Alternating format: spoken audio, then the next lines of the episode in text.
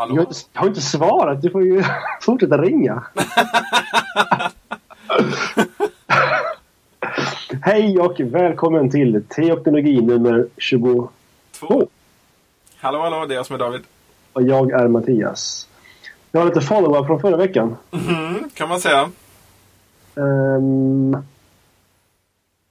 jag har ägt uh, massa datorer uppenbarligen. För jag pratade om datorer i en timme. Ja, det gjorde jag också. Nej, jag, det finns inget bevis på det.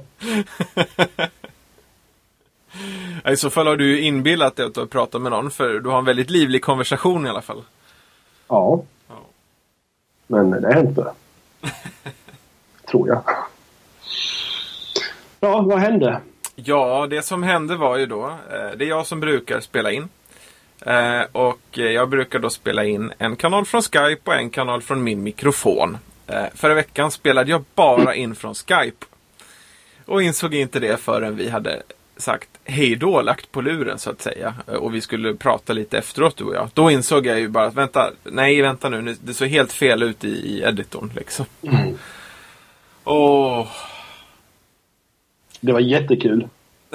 Och, ja, det kändes hemskt i stunden. Det roliga var i början, jag vet inte om du minns det. Oh det, ja. fin- det finns ju inte inspelat. Men jag säger i början bara att ja, men den här veckan kan det gå lite hur som helst. För jag var ju verkligen supertrött också förra gången. Så, här, så att jag, jag sa ju det, ja, det- jag vet inte hur det kommer bli nu. Det kommer bli lite som det blir. Och det blev det ju verkligen. Ja. Ja. Och vi, ursäkta. Vi pratade ju om datorer i, i alla fall 45 minuter. Om alla datorer vi ägt. Ja, Så, där. så det var avsnitt 21. Nu blir inte det någonting mer om det. Så vi, vi vill inte prata om det igen. i alla fall inte på ett tag. Nej, inte nu. För vi kan nog tänka oss återkomma till. Ja, det var ju kul. Det var jätteroligt. Och jag hade nog haft väldigt mycket mer att säga den här gången egentligen. Om vi hade pratat om datorer igen. För jag kom på massa roliga saker. Jaha, men skriv ner det så tar vi det när det kommer. Ja. För, för egen del känner jag mig ganska så sliten på ämnet just nu. Ja. Och det är inte som att det är färskvara direkt. Nej, det, det där håller ett tag. ja, precis. Så eh, vi är ledsna Johan. Ja, särskilt till Johan. Han såg Ja. fram emot att ha något att lyssna på som var nördigt. Mm. Mm. Men eh, ja. Ingen feedback den här veckan. Nej, naturligtvis inte. Nej. Ja, men vi har länkar. Jag kör samma länkar som jag hade förra veckan. Plus ett par till. Klok idé. Och jag hade massa länkar och du hade... En, nu har jag dubbelt så många. Ja. Okej, då det första som jag pratade om förra veckan det var en artikel på The Verge som är en amerikansk eh, nättidning. Med inriktning på ehm, eh, teknologi och ehm, teknologi som kultur kan man väl säga. Och väldigt mycket prylar. Oh yes. En bred sajt är det. Och en av deras ehm, eh, senioreditorer, eller vad man säger, Paul Miller. Han la den 30 april ut en artikel som, han, eh, som heter I am leaving the internet for a year. Eh, och eh, nu känns det sådär att prata om det här nu för nu är det ett tag sedan det, den där var. Eh, men eh, Det var väldigt aktuellt för två veckor sedan. Ja, det var skitaktuellt men... eh, ja, jag känner fortfarande att det ligger en lockelse i, i det han, han bestämde sig för att göra. Alltså att inte använda internet till någonting. Ehm, han han kö- köpte en gammal Nokia, eller inte en gammal, men en, en Nokia-telefon utan eh, internetuppkoppling och han eh, slutade använda eh, så han använder fortfarande sin, med sin eh, Macbook eh, Pro på jobbet sådär. Men han får inte skriva ut filer för han får inte använda nätverket heller. Så han ger alla filer till eh, sina kollegor på USB-stickor. Helt extremt tycker jag. Det är det verkligen. Men eh, alltså, överhuvudtaget är det att fasta för saker, det är jag ju väldigt, det tycker jag är rätt häftigt. Och just det här med att göra det ett helt år Det är, det är extremt, men eh, ändå häftigt. Um, så. Jag vet inte om jag hade så mycket mer att säga. Det är, det är en bra artikel. Och jag lä lägger också till en länk till en video som innehåller Pauls sex sista minuter på eh, internet. Man får se hur de drar ut TP-kabeln. Datorn. Sen ehm, förra eh, veckos, ja, torsdag, fredag förra veckoslutet måste det ha varit, så var jag på en konferens i Stockholm. Eh, Svenska kyrkans kommunikationsdagar. Ehm, jag kommer delvis gå in i en ny tjänst i hösten där jag kommer ehm, jobba med, som det står i min arbetsbeskrivning, moderna medier. Och därför tänkte jag att det kanske var smart att åka på eh, den konferens i Svenska kyrkan eh, som då handlar om moderna medier ganska mycket. Ehm, och en av föreläsningarna jag var på det var Emanuel Karlsten som hade en föreläsning om hur kyrkan kan använda sociala medier. Ehm, någon representant för POSK partipolitiskt obundna Svenska kyrkan, uh, spelade in det här. Um, och Emanuels slides finns även på uh, nätet. Jag länkar till båda de två. Mycket, jag var ju också med i föreläsningen fast jag var med i den. Det var som ett, ett exempel på en twittrande präst. Woho! Ja. Men var det, var det Twitter eller var det... Jo, det var Twitter. Det var inte en sån där töntigt blogg eller sånt där. Det var ingen töntig blogg tack och lov. Utan det var min Twitter-profil. Men det var en gammal screenshot. Jag har typ över hundra fler följare än vad jag hade där. Jag tänkte en blogg, inte blogg. Blogg. Jaha, ja nej det var, det var det är Twitter. Um, Sen har jag även ett tips på tre appar till iOS och en Mac-app. Första appen ehm, eh, twittrade jag om i, igår. Va? Five by five-radio. Nu har alltså Five by Five släppt en app som har varit igång i typ ett år. Eh, det är inget speciellt egentligen med den appen. Man kan lyssna på livesändningarna ehm, Eh, och man får notifikationer eh, när livesändningar sätter igång. Om man väljer att få notifikationer. Och där kan man välja vilken av showerna man vill få ja, notiser på. Ehm, 27 kronor. Om du lyssnar på 5x5 så köper du appen så att du stöder den. Ehm, ett spel som jag tror det var på Mac Stories ehm, som Federico Vitici eh, tipsade om det här spelet. Spell Tower. Som är eh, lite alfabetaktigt, lite Tetris-aktigt, lite Bejeweled. Eh, man vill säga. Hur beroendeframkallande som helst. Och hur snyggt som helst. Um, och besök gärna um, spelets hemsida på din iPhone ehm, Um, spelltower.com. Mycket, mycket snygg. Um, sen har jag börjat skriva dagbok igen. Eller jag har börjat försöka skriva dagbok igen, ska jag säga. och då har jag eh, köpt till min Mac och till min iPhone Day One. Som ju har synkronisering via antingen Dropbox eller via iCloud tror jag det är. Tror det är nog. iCloud. Och eh, då rekommenderar jag att man inte använder Dropbox. Eh, Med att det är en eh, dagboks-app. Jag tror inte det är krypterat i Dropbox.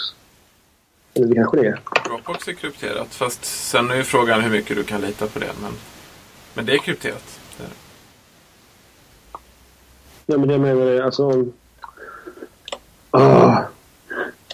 Google Documents själv. Min markör. Usch. Så. Uh, day one encryption Dropbox. För jag tror att man kan... Jag vet inte om man kan komma åt... Nej. Day one is not encrypted. Uh, på Mac App Store. Alltså Mac-versionen är inte krypterad. Om man använder Dropbox antar jag. Nähä, okej. Ja. Det med säkert fixas. Är det en bra app?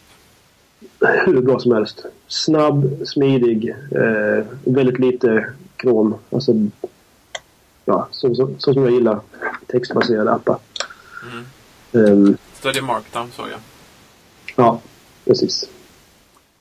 Självklart. Ja, Eh.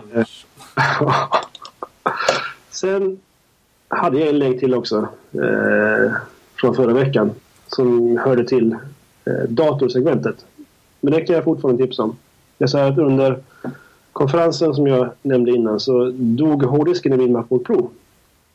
Den, eh, ja, jag lyckades rädda innehållet på den men den är helt obrukbar. Ehm, så när jag kom hem till eh, Örsundsbro så satte jag mig i bilen och åkte till Uppsala och besökte Alina Systems och köpte en SSD-hårddisk. Eh, de hade ett bra erbjudande och eh, jag visste ju att det skulle gå fortare. eh, Att datorn skulle gå snabb, eh, snabbare. Men det är en helt magisk skillnad. Ehm, det är som att alla program och alla filer är liksom cachade. Ehm, Öppna direkt. Du trycker på ikonen i, i docken eller i programappen eller vad det nu är och eh, då är programmet öppet. Du vill inte reagera. Ehm, Det som har tagit längst tid att hittills det är Evernote och då har jag väl en databas på 5-6 gigabyte pdf-filer. Och sånt där. Ehm, Det är tungt ändå. Det är tungt och det tar kanske 3 eller 4 sekunder att öppna det. Det tog tidigare eh, 45-50 sekunder. Just det. Så det är vansinnig skillnad. Jag rekommenderar väldigt starkt att man, eh, om man har färdigheterna, att man byter ut sin hårddisk mot en eh, flashdisk. Och det är inte alls svårt. Speciellt inte om man har en Macbook Pro. Ehm, eller Unibody Mac i alla fall. Mm. Det var inte svårt på den vita plast-Macbooken jag hade förr heller. Nej, det nog till och med enklare än på den här tror jag. För det var, man kunde bara slida in och ut va? Ja, den satt fastskruvad i en sån här Så- äh, En skena. i en skena. här. Och det är lite, lite svårare här, men eh, mycket, mycket enkelt. Mm. Och sen så kan man ju, ehm, när man ändå håller på att modernisera sin dator kan man ju faktiskt rycka ut DVD-brännaren också. Och stoppa in en vanlig hårddisk där som man har lagring. För de är ju väldigt dyra. Den jag köpte är 120 GB SSD-hårddisken och den kostade 1000 kronor. Så det är ju väldigt mycket dyrare än en vanlig hårddisk. Just det. Japp, det var det jag hade. Det var det du hade. Så ja, det var det. Vad hade du för länkar? Jag har två. Nu har jag köpt Day One. kan man säga. Till, både, eller till iPhonen och det är väl på gång till datorn. Men det håller på Mac App Store är lite tjurigt. Eh, jag har två länkar. Eh, det ena är en Mac-app. Och det är Keyboard Maestro. Jag tror att jag kan ha pratat om det förut och då menar jag inte bara förra veckan. som inte blir spelat ut. Jag tror jag nämnt det tidigare också. Ehm, det är en app för att automatisera saker på din dator. Ehm, och det senaste exemplet då som var aktuellt eh, för mig redan förra veckan och som är det fortfarande. Det är ju då eh, om man då eh, sitter och tittar på någonting i VLC till exempel och man har undertexter till det. Eh, då kan det ju vara så. Eh, om det inte är så att du tittar förstås alltså på undertexterna som är i DVD-skivan med DVD-skivan. Mm. Eh, då, då är det ju en annan sak. Eh, men låt säga att du har en DVD-skiva där du inte har svenska undertexter. Eh, det händer ju ibland, särskilt när den kommer från en annan zon i världen. Så. Eh, och har man då rippat den här filmen för att se den så vill man gärna ha undertexter och det kan man ju ladda ner från nätet. Jag vet inte om det är lagligt eller inte faktiskt med undertexter. Mm. Det är nog en ett sån här gråzon. Ja. Eh, Men, men då om man har laddat ner en undertext från internet och så tittar man det till sin film. Då kan det vara så att det blir fel med synken. Eh, därför att filmen startar på ett annat ställe än vad texten gör eller så. Liksom. Eh, och, och särskilt om det skulle vara någon scen som diffar eller något annat i klippningen. Eh, och då vill man ändra undertexterna. Men du kan bara ändra undertexterna med 50 millisekunder framåt eller bakåt åt gången. Det innebär att för varje sekund måste du trycka 20 gånger på tangentbordet. Det är ganska tungt att göra det. Eh, då använder jag Keyboard Maestro för att skapa ett makro som bara gäller i VLC. Så att, ja, det är bara när jag trycker på den här knappen i VLC som det här händer. När jag trycker stora J då förskjuter den undertexten framåt i tiden med, eh, med en halv sekund. Mm. Eh, och eh, jag har då satt... Eh, det verkar inte så logiskt på datortangentbordet men, men på en iPhone där jag då skickar kommandot ifrån. Som, för jag oftast använder den på tv-datorn med, med tangentbordet på te telefonen. Så är det då B som ligger direkt under J. Eh, så när jag trycker på B då hoppar den eh, två sekunder framåt. Eh, och vad den gör helt enkelt det här makrot från, från Keyboard Maestro. Det är alltså bara, de- de- den säger så här att trycker jag ett stort J i VLC då trycker Keyboard Maestro 20 små J i VLC åt mig. Mm. Så det är det den gör liksom. Och likadant då när jag då ska ha två sekunder. Ja men då, då, då blir det liksom 40 eh, tryck den gör åt mig. Liksom Eh, och man kan få den att göra massa olika saker. Eh, jag har ju bland annat ett, eh, ett makro eller några makron som gör att jag kan, om jag trycker på vissa knappar så, så fyller rutan jag har framför mig upp hela skärmen. Eller jag kan få den att fylla upp exakt halva vänstra skärmen eller halva högra delen av skärmen. Jag kan också få den att centrera mitt på skärmen. Det, denna, det som råkar vara framme just nu. Det är också sånt jag har lagt in där. Det går att göra massor av grejer. Både när det gäller att skicka olika sådana saker. Jag har också till exempel Det har jag inte använt så mycket nu. Men jag kan till exempel när, när jag gör När jag ska samla länkar och sådana här saker. Eh, för, för den här podcasten bland annat. Eh, då kan jag klicka Då kan jag kopiera URLen, adressen från adressfältet. Och så kopierar jag titeln från artikeln. Mm. Eh, och jag gör dem var för sig. Liksom. Och då brukar ju det försvinna det som var tidigare. Alltså adressen försvinner ju sen när jag kopierar titeln. Liksom. Men Keyboard Maestro har by- inbyggd eh, historia för, för urklippen man gör. Mm. Så då betyder det att när jag sen då eh, gör en, ett visst tangentbordskommando eller, eller för den delen skriver en viss text i ett program sen. Då kombinerar den eh, den här titeln som jag har skrivit tidigare med adressen i en korrekt länk åt mig på en gång. Eh, istället för att gå fram och tillbaka blir det ju annars då. Att man går först och kopierar URLen och så går man tillbaka dit där man ska ha den, lägger in den där. Sen går man tillbaka och kopierar titeln och sen går man tillbaka och klistrar in den. Liksom. Ja. Här slipper jag ju det. Liksom. ja. Alltså det... Jag bara eh, kommentera en sak. Ja. Det är himla kul att vår lathet har tagit sig olika uttryck. Du, du, du skapar makro och sånt där eh, för att slippa göra saker. Ja, Och jag skiter i att skapa makrona för att jag inte orkar. ja just det. Ja, nej, men jag skapar makron för sånt som jag tycker att det är värt att skapa makron. Alltså sånt som sker tillräckligt mycket liksom, för att jag ska ha en chans att använda mig mycket av det. Mm. Eh, så så det, är, ju- det är ju där det liksom... Och sen märker man ju över tid vilka makron som var onödiga. Därför de använder man aldrig. Liksom. Eh, så det var ena appen. Den andra appen är för iOS och knyter väldigt mycket in i det vi ska prata om idag. Mm. Eh, och den här appen heter Know Your Type. Ehm, och man når, når den på länken som jag har lagt här då. Men det är en app för enneagrammet. Det är för, för iOS då. För eh, iPhones och iPods och iPads. Eh, för att dels ta reda på sin typ och dels läsa på mer eh, om den och sådär. Den verkar bra. Jag har inte hunnit titta jättemycket på den. Eh, Jag köpte det. men jag köpte den. När? Nu. jag köpte den precis innan vi började spela in. för jag hade, jag hade eh, sett den för några dagar sedan och lagt den i en flik i webbläsaren. Men först nu när vi skulle spela in så... Ja. just det! Den skulle jag kolla upp också. Eh, så jag har bara startat programmet och klickat runt lite. Men jag tycker det verkar lovande. Mm. Eh, Så är man intresserad av enneagrammet och särskilt efter det, det, det som vi pratar om idag. eh, Då, då rekommenderar jag att titta på den här. Men du la till en länk i din lista. Två stycken la jag till. När du börjar prata om, eh, om subtitles, eller undertexter. Ja. Så kom jag på två eh, eh, intressanta projekt.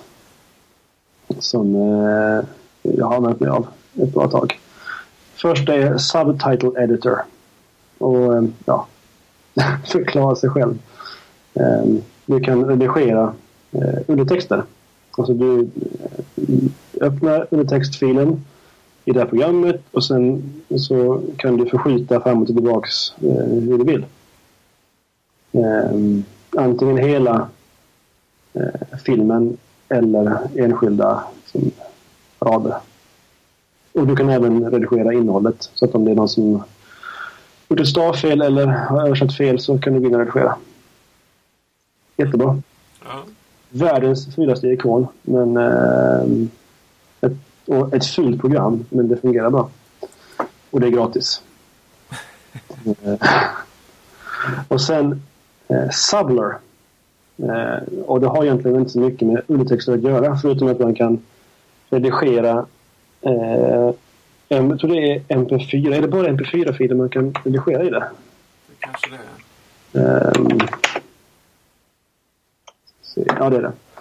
Du kan ändra innehållet i eh, MP4-filen. Alltså, en, en, det är ju en, en container, MP4. Så att det kan innehålla en bild, kan innehålla massa olika undertexter, massa olika eh, ljudfiler eh, och sådär. Um, och med det här programmet så kan du manipulera vad den innehåller.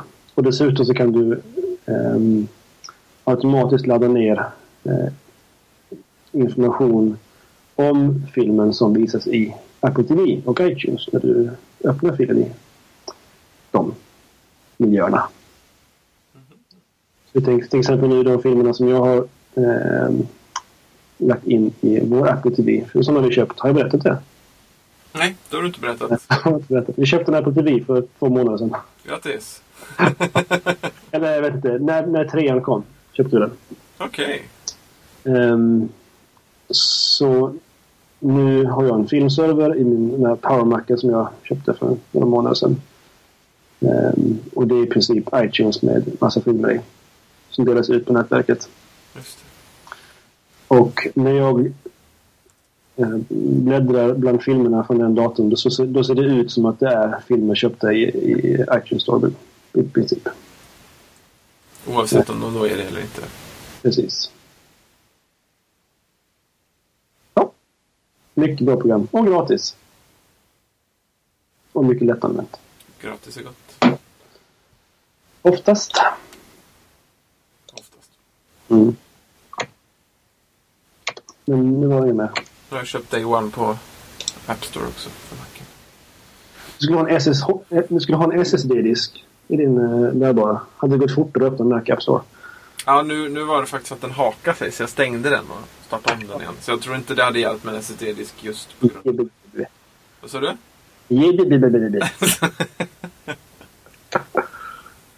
Ja. Vad är nästa på listan? Det brukar vara ökenfädernas tänkespråk. Ja, men den var ju riktigt dålig förra veckan. Den var riktigt pissig så vi kan låta den stå för förra veckan va? Och så tar vi en ny den här veckan. Men vet du vad? Nu är det jag som inte har boken här. Nämen! Var är den? Jag hade högmässa idag. Då läste jag från den. Oj, oj, oj, oj, oj. Eh, nu ser jag. Vänta ett tag. Oj, det lät som något sprack.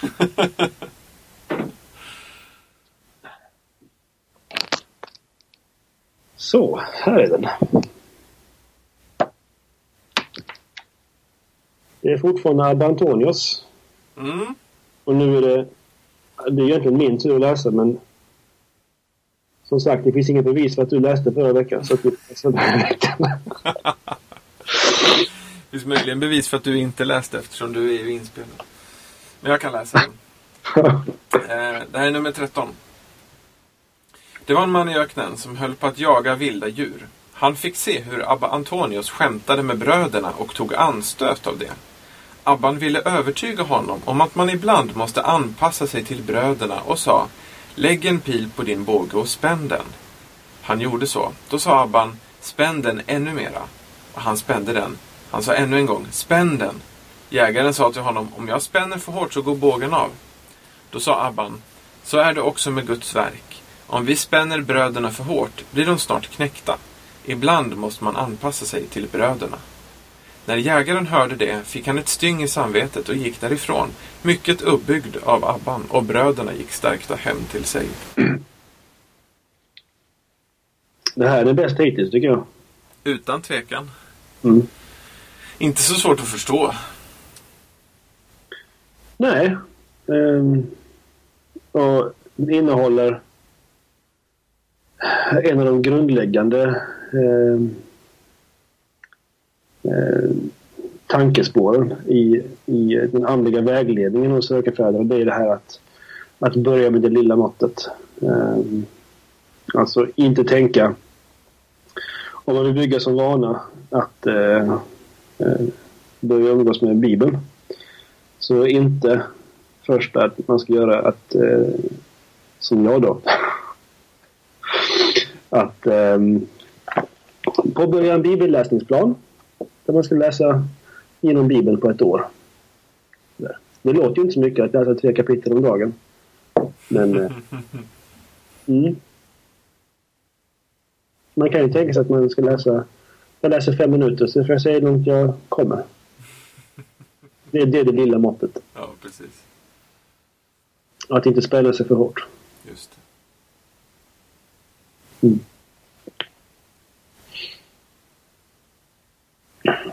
Ja, jag tänker också det här med humor. Jag tror inte det är huvudpoängen här. Så jag tror att man ska, för, för det kan ju vara det som... För att annars så låter det som att man bara ska skämta för att folk är svaga på något vis. Ja. Och jag vet inte om det är det som är ens poäng va? Är det? Nej. Nej, jag tror inte heller.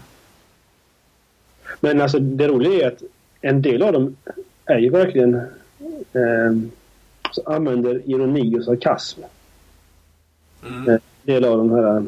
Och det här är ju ett exempel på något sånt. Just.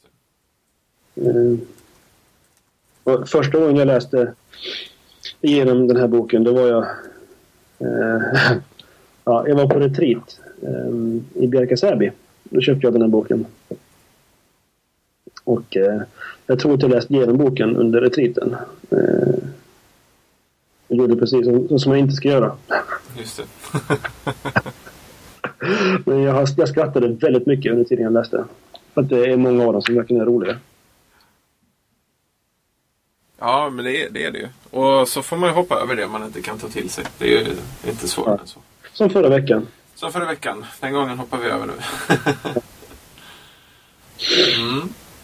Ska vi Yes. prata lite enneagram? Jättegärna. Jag har ju...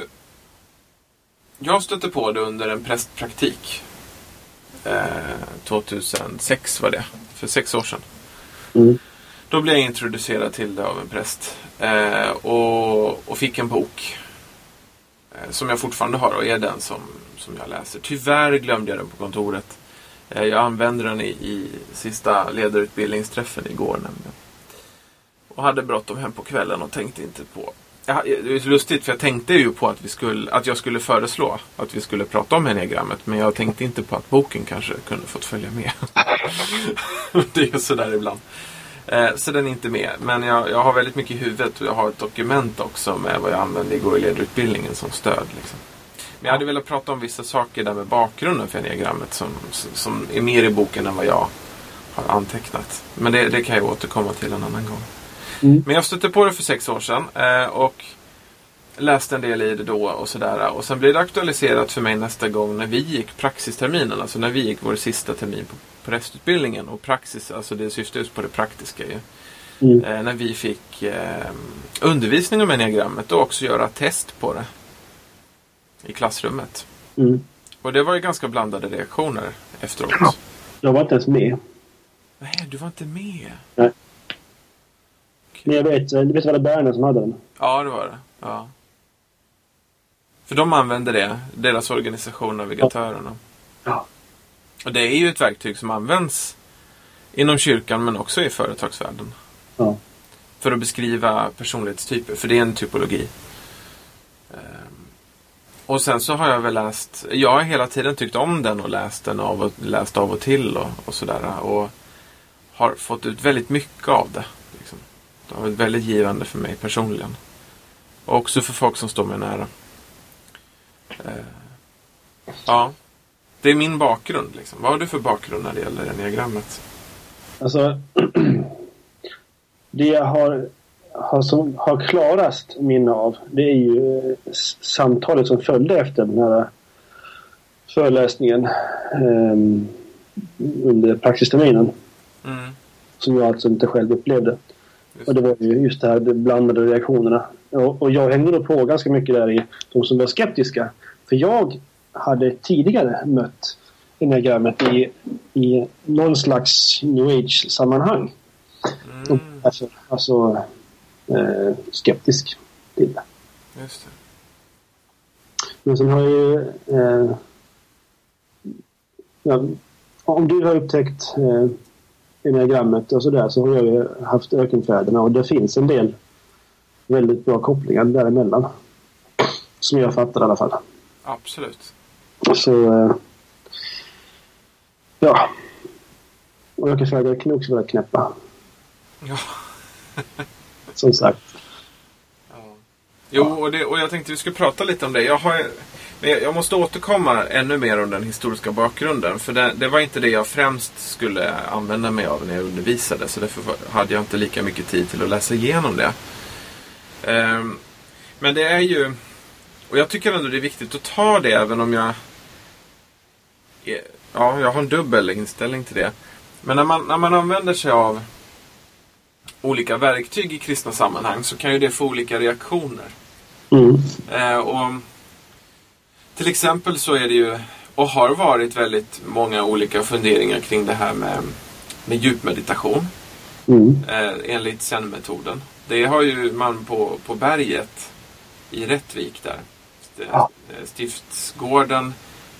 Nej, inte Stiftsgården. Eh, men, men Stiftelsen Berget heter det väl. Med- Meditationsgården. Meditationsgården, Sankt Davidsgården där. Ja. De har ju kurser i det och haft i många år. Liksom, eh, för, för att Eh, församlingsarbetare, där präster men också andra, eh, ska kunna utbilda sig till instruktörer i kristen djupmeditation.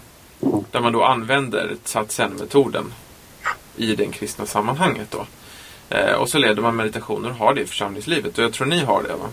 Vi använder oss av Satsen i, i våra meditationssammanhang hos oss i min församling. Vi har ju dels varje vecka har vi meditationsgudstjänst. Lite olika typer eh, som går runt. Och så har vi en, även en retreat i augusti. Just det. Och, och det är ju liksom... På många Ja. håll är det ju väldigt accepterat att göra det. Men jag har fått väldigt mycket negativa reaktioner på... Alltså, man, man kan ju göra det enkelt för sig och säga att, att det jag sysslar med det är eh, hesychastisk meditation. Alltså eh, eh, det som nu är, eh, har bli, blev stort i Ryssland men som finns eh, även eh, bland de grekiska ehm, eh, alltså bland ökenfäderna helt enkelt. Sådär.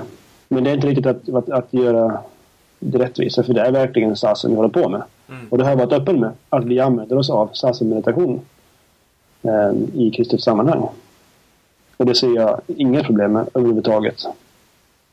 För meditation det är liksom allmängods på något sätt. Det är allmänmänskligt. Jo men alltså det handlar ju om hur man sitter liksom. Ja, precis. Och andas. Ja. Och det finns ju inget okult med det eller icke-kristet på det viset. Liksom. Nej. Och det är väl det på något vis. Och det är väl det jag tänker. Jag minns någon gång när jag hörde från, om, om, eh, från andra Vatikankoncilet hur man ser på andra religioner. Och, och sådär. Och som jag har förstått det, väl, om man ska kortfatta det, i alla fall också hur jag själv ser på det, så är det ju att det som är sant är ju sant oavsett vem som har sagt det. Mm. så att säga, eller hur? Ja. Eh, och, och det finns ju sanning i andra religioner också. Även om det inte är vad jag som kristen tänker finns den yttersta sanningen. Ja. Eh, och kanske finns ganska mycket som fattas och så. Men, men det fort, betyder ju inte att inte muslimer, hinduer och andra säger samma saker utifrån sin tro. Liksom. Va? och likadant tänker jag när det gäller sådana här grejer. Att även om vi inte skulle kunna skrapa upp någon ökenfader till stöd för att kristna det hela liksom. Mm. Eh, så är ju det fortfarande en metod. Så man, kan, man kan tvätta bort eh, buddhistiskt innehåll ifrån. Och Ja. fylla med kristet innehåll. Ja. Och använda som en del av, av sin utveckling som kristen. Och det är inte ens säkert att det finns något, något självändamål med att plocka bort buddhistiskt innehåll. Eller alltså buddhistisk färgning. Jag vet inte om det ens, om det ens behövs. Det beror ju på vad det är för tankegods som följer med. Om det är tankegods som är kompatibelt med kristen tro. Precis. Precis. Ja. Nej, men jag, jag, det får jag hålla med dig såklart. Men jag tänker mig nog ändå att, att, att färgningen som sådan ofta pekar mot deras teologi. Eller att alltså man, kommer, man behöver ändå liksom tänka igenom. Oh, ja. Och så, så att det blir kristocentriskt. Så att Mm. Alltså det, det är Jesus det handlar om. Ehm, och och det, är väl, det är väl en ganska bra jämförelse tänker jag med enneagrammet egentligen. Eh, på många sätt. Så, och, och sen finns det ju annat. Alltså vi har ju kulturella uttryck och sådana saker genom århundraden och årtusendena som, som har, man har vant sig vid. Och nu tycker det är djupt kristet. Men, men det kanske inte alltid har varit det.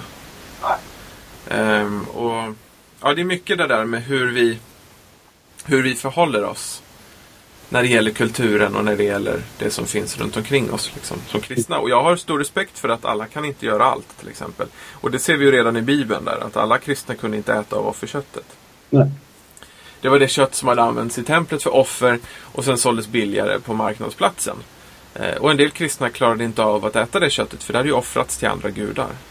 Och då var det orent. Liksom. Men, eh, men för andra kristna så var det inga problem att äta av det. För de gudarna tänker man ju då som kristna, de finns ju inte. så det var ju bara billigare kött. Liksom. Mm. eh, och, och i Bibeln då, i, när Paulus ger råd om det här, så handlar det om att ha, ha förståelse för att de som, som han säger då har en svagare tro Mm. inte kl- klarar av att äta av det här köttet, och då är det okej. liksom. Och så tänker jag med sånt här också. Att det, det är okej att folk inte kan acceptera det. Däremot kan ju tongången åt andra hållet ibland bli ganska otrevliga. Det finns ju stora hatsidor om djup meditation. Till exempel i kristen kontext. Och även om enneagrammet. Och det är det jag ville lyfta då. Så för mig är ju utgångspunkten eh, det som vi har pratat om nu. Liksom. Sen så kan man koppla enneagrammet också väldigt kristet om man tänker idéhistoriskt. Det är inte omärkligt alls. Så jag tror att jag kan komma med ännu mer av det eh, framöver när jag har läst igenom det avsnittet mer. Men låt mig bara återge det jag har att ge nu. Eh, så kanske vi ska fortsätta sen. Så att vi inte Mm. hakar upp oss på det här heller. Ehm, bakgrunden till enneagrammet, så långt jag känner till den eh, idag och utan till eh, är eh, att det har någon form av grekiskt ursprung från början. Jag minns inte vad greken i fråga hette, men att eh, det finns någon grek långt där bak. Då. Och det enneagrammet är ju, om jag förstått, kommer, alltså enneagram, att det kommer ju från början från grekiska. Till och med, som ord tror jag. Jag är ute på hal is nu, för jag har inte läst grekiska. Men niohörning är ju det det betyder då. Eh, och eh, Sen så är det ju då den kristna influensen som har varit väldigt stark tror jag och format väldigt mycket är ju under ökenfädernas tid. Eh, med Evagrios inte minst och andra tror jag den tiden när man, när man talar just om de här, det här som sen blir dödssynderna i den kristna traditionen. Eh, och då har vi eh, Idag är det ju katolska kyrkan har sju Eh, och när vi tittade nu på nätet här så hade du en väldigt bra länk Mattias. Ja. Eh, Evagrios, Evagrius.net. Mm. Eh, vi lägger in det som en länk i shownoterna. Eh, så, kan ni, så kan ni kolla där. Eh, och, och där har han åtta stycken dödssynder. Och det var det man hade, alltså bland ökenfäderna. Det, det flöt omkring listor. Och det var oftast åtta på dem. Och det är det, här, det är det här som man då, i den boken jag har, som är skriven av en, det är nog en katolsk jesuit och en eh, luthersk präst. Har skrivit den här boken jag har tillsammans då. Eh, vi ska länka till den också, jag kan länka i show- shownoterna så ni kan kolla där. Eh, och de kopplar ju till det här, för de menar att enneagrammet har sin, mycket av sin grund i den här tiden med de här listorna. Med det här samtalet. Och det kan vi också se om vi tittar på enneagrammet, för det är samma dödssynder. Ja. Eller synder snarare. Det är samma synder. Eh, det är bara att det är nio stycken, så det är en till. Eh, och det kommer vi komma till vilka de är då. Och jag tycker de är ganska motiverade alla nio. Så det är bakgrunden. Men sen finns det också annan bakgrund i det då. Och det är väl där många hakar upp sig. För att sen så har Enneagrammet har också, eh, precis som Precis som mycket annat idéstoff faktiskt eh, under en tid förvaltats av muslimerna. Ja. Eh, Mycket av den grekiska filosofin till exempel finns ju på grund av att muslimerna förvaltade den och sen kom den tillbaka till Europa igen. Eh, Och, så. Och, och här är ju en sån sak också då. Det verkar som att det har glidit iväg lite grann. Så suferna, de muslimska mystikerna, de höll på med diagrammet under lång tid. Och sen har det liksom fallit i glömska igen och sen har det kommit tillbaka igen eh, på två olika håll eh, under 1900-talet. Eh, och då är det dels är det eh, är det och jag kan inte, jag skulle just kolla upp deras namn här men, men nu hjälpte inte min dator mig riktigt med Wikipedia. Eh, men det, det är på två olika håll och då har det varit från början lite mer new age-sammanhang som plockade in det. Eh, och då var det, det finns två olika snubbar där som, som, som, som man pratar om då. Jag är inte så insatt i dem. Den ena heter G.I. Gurdjieff och den andra hette någonting Isacho eller något sånt i den stilen. Eh, Oscar Ichatso tror jag och Claudio Naranjo. Eh, och sen har vi den här G.I. Gurdjieff-personen då. Han verkar ha en liten egen variant. Eh, och det är lite olika delar av världen det där har kommit i då. Så. Eh, eh, men det är, eh, det, det är väldigt eh, det, det är väldigt intressant tycker jag med, med, med, med hur man reagerar på det här. För en del reagerar väldigt starkt emot såklart och andra tycker inte det är några problem alls. För mig är det viktigt eh, om, om det innehållsmässigt är så att det talar emot den kristna tron. Då skulle jag ha väldigt stora problem med diagrammet. Mm. Eh, Som jag har läst om det i den här boken så, så är det för mig absolut inte något som talar, om, talar emot eh, kristen tro. Utan tvärtom. Det är ju någonting som hjälper mig att växa som kristen. Som hjälper mig att se de, kla- de, dels de klassiska oagrus och en till då dödssynd så att säga i mitt eget liv. Liksom. Att, att lära mig mer om mig själv. Mm. Eh, och det tycker jag är, är viktigt.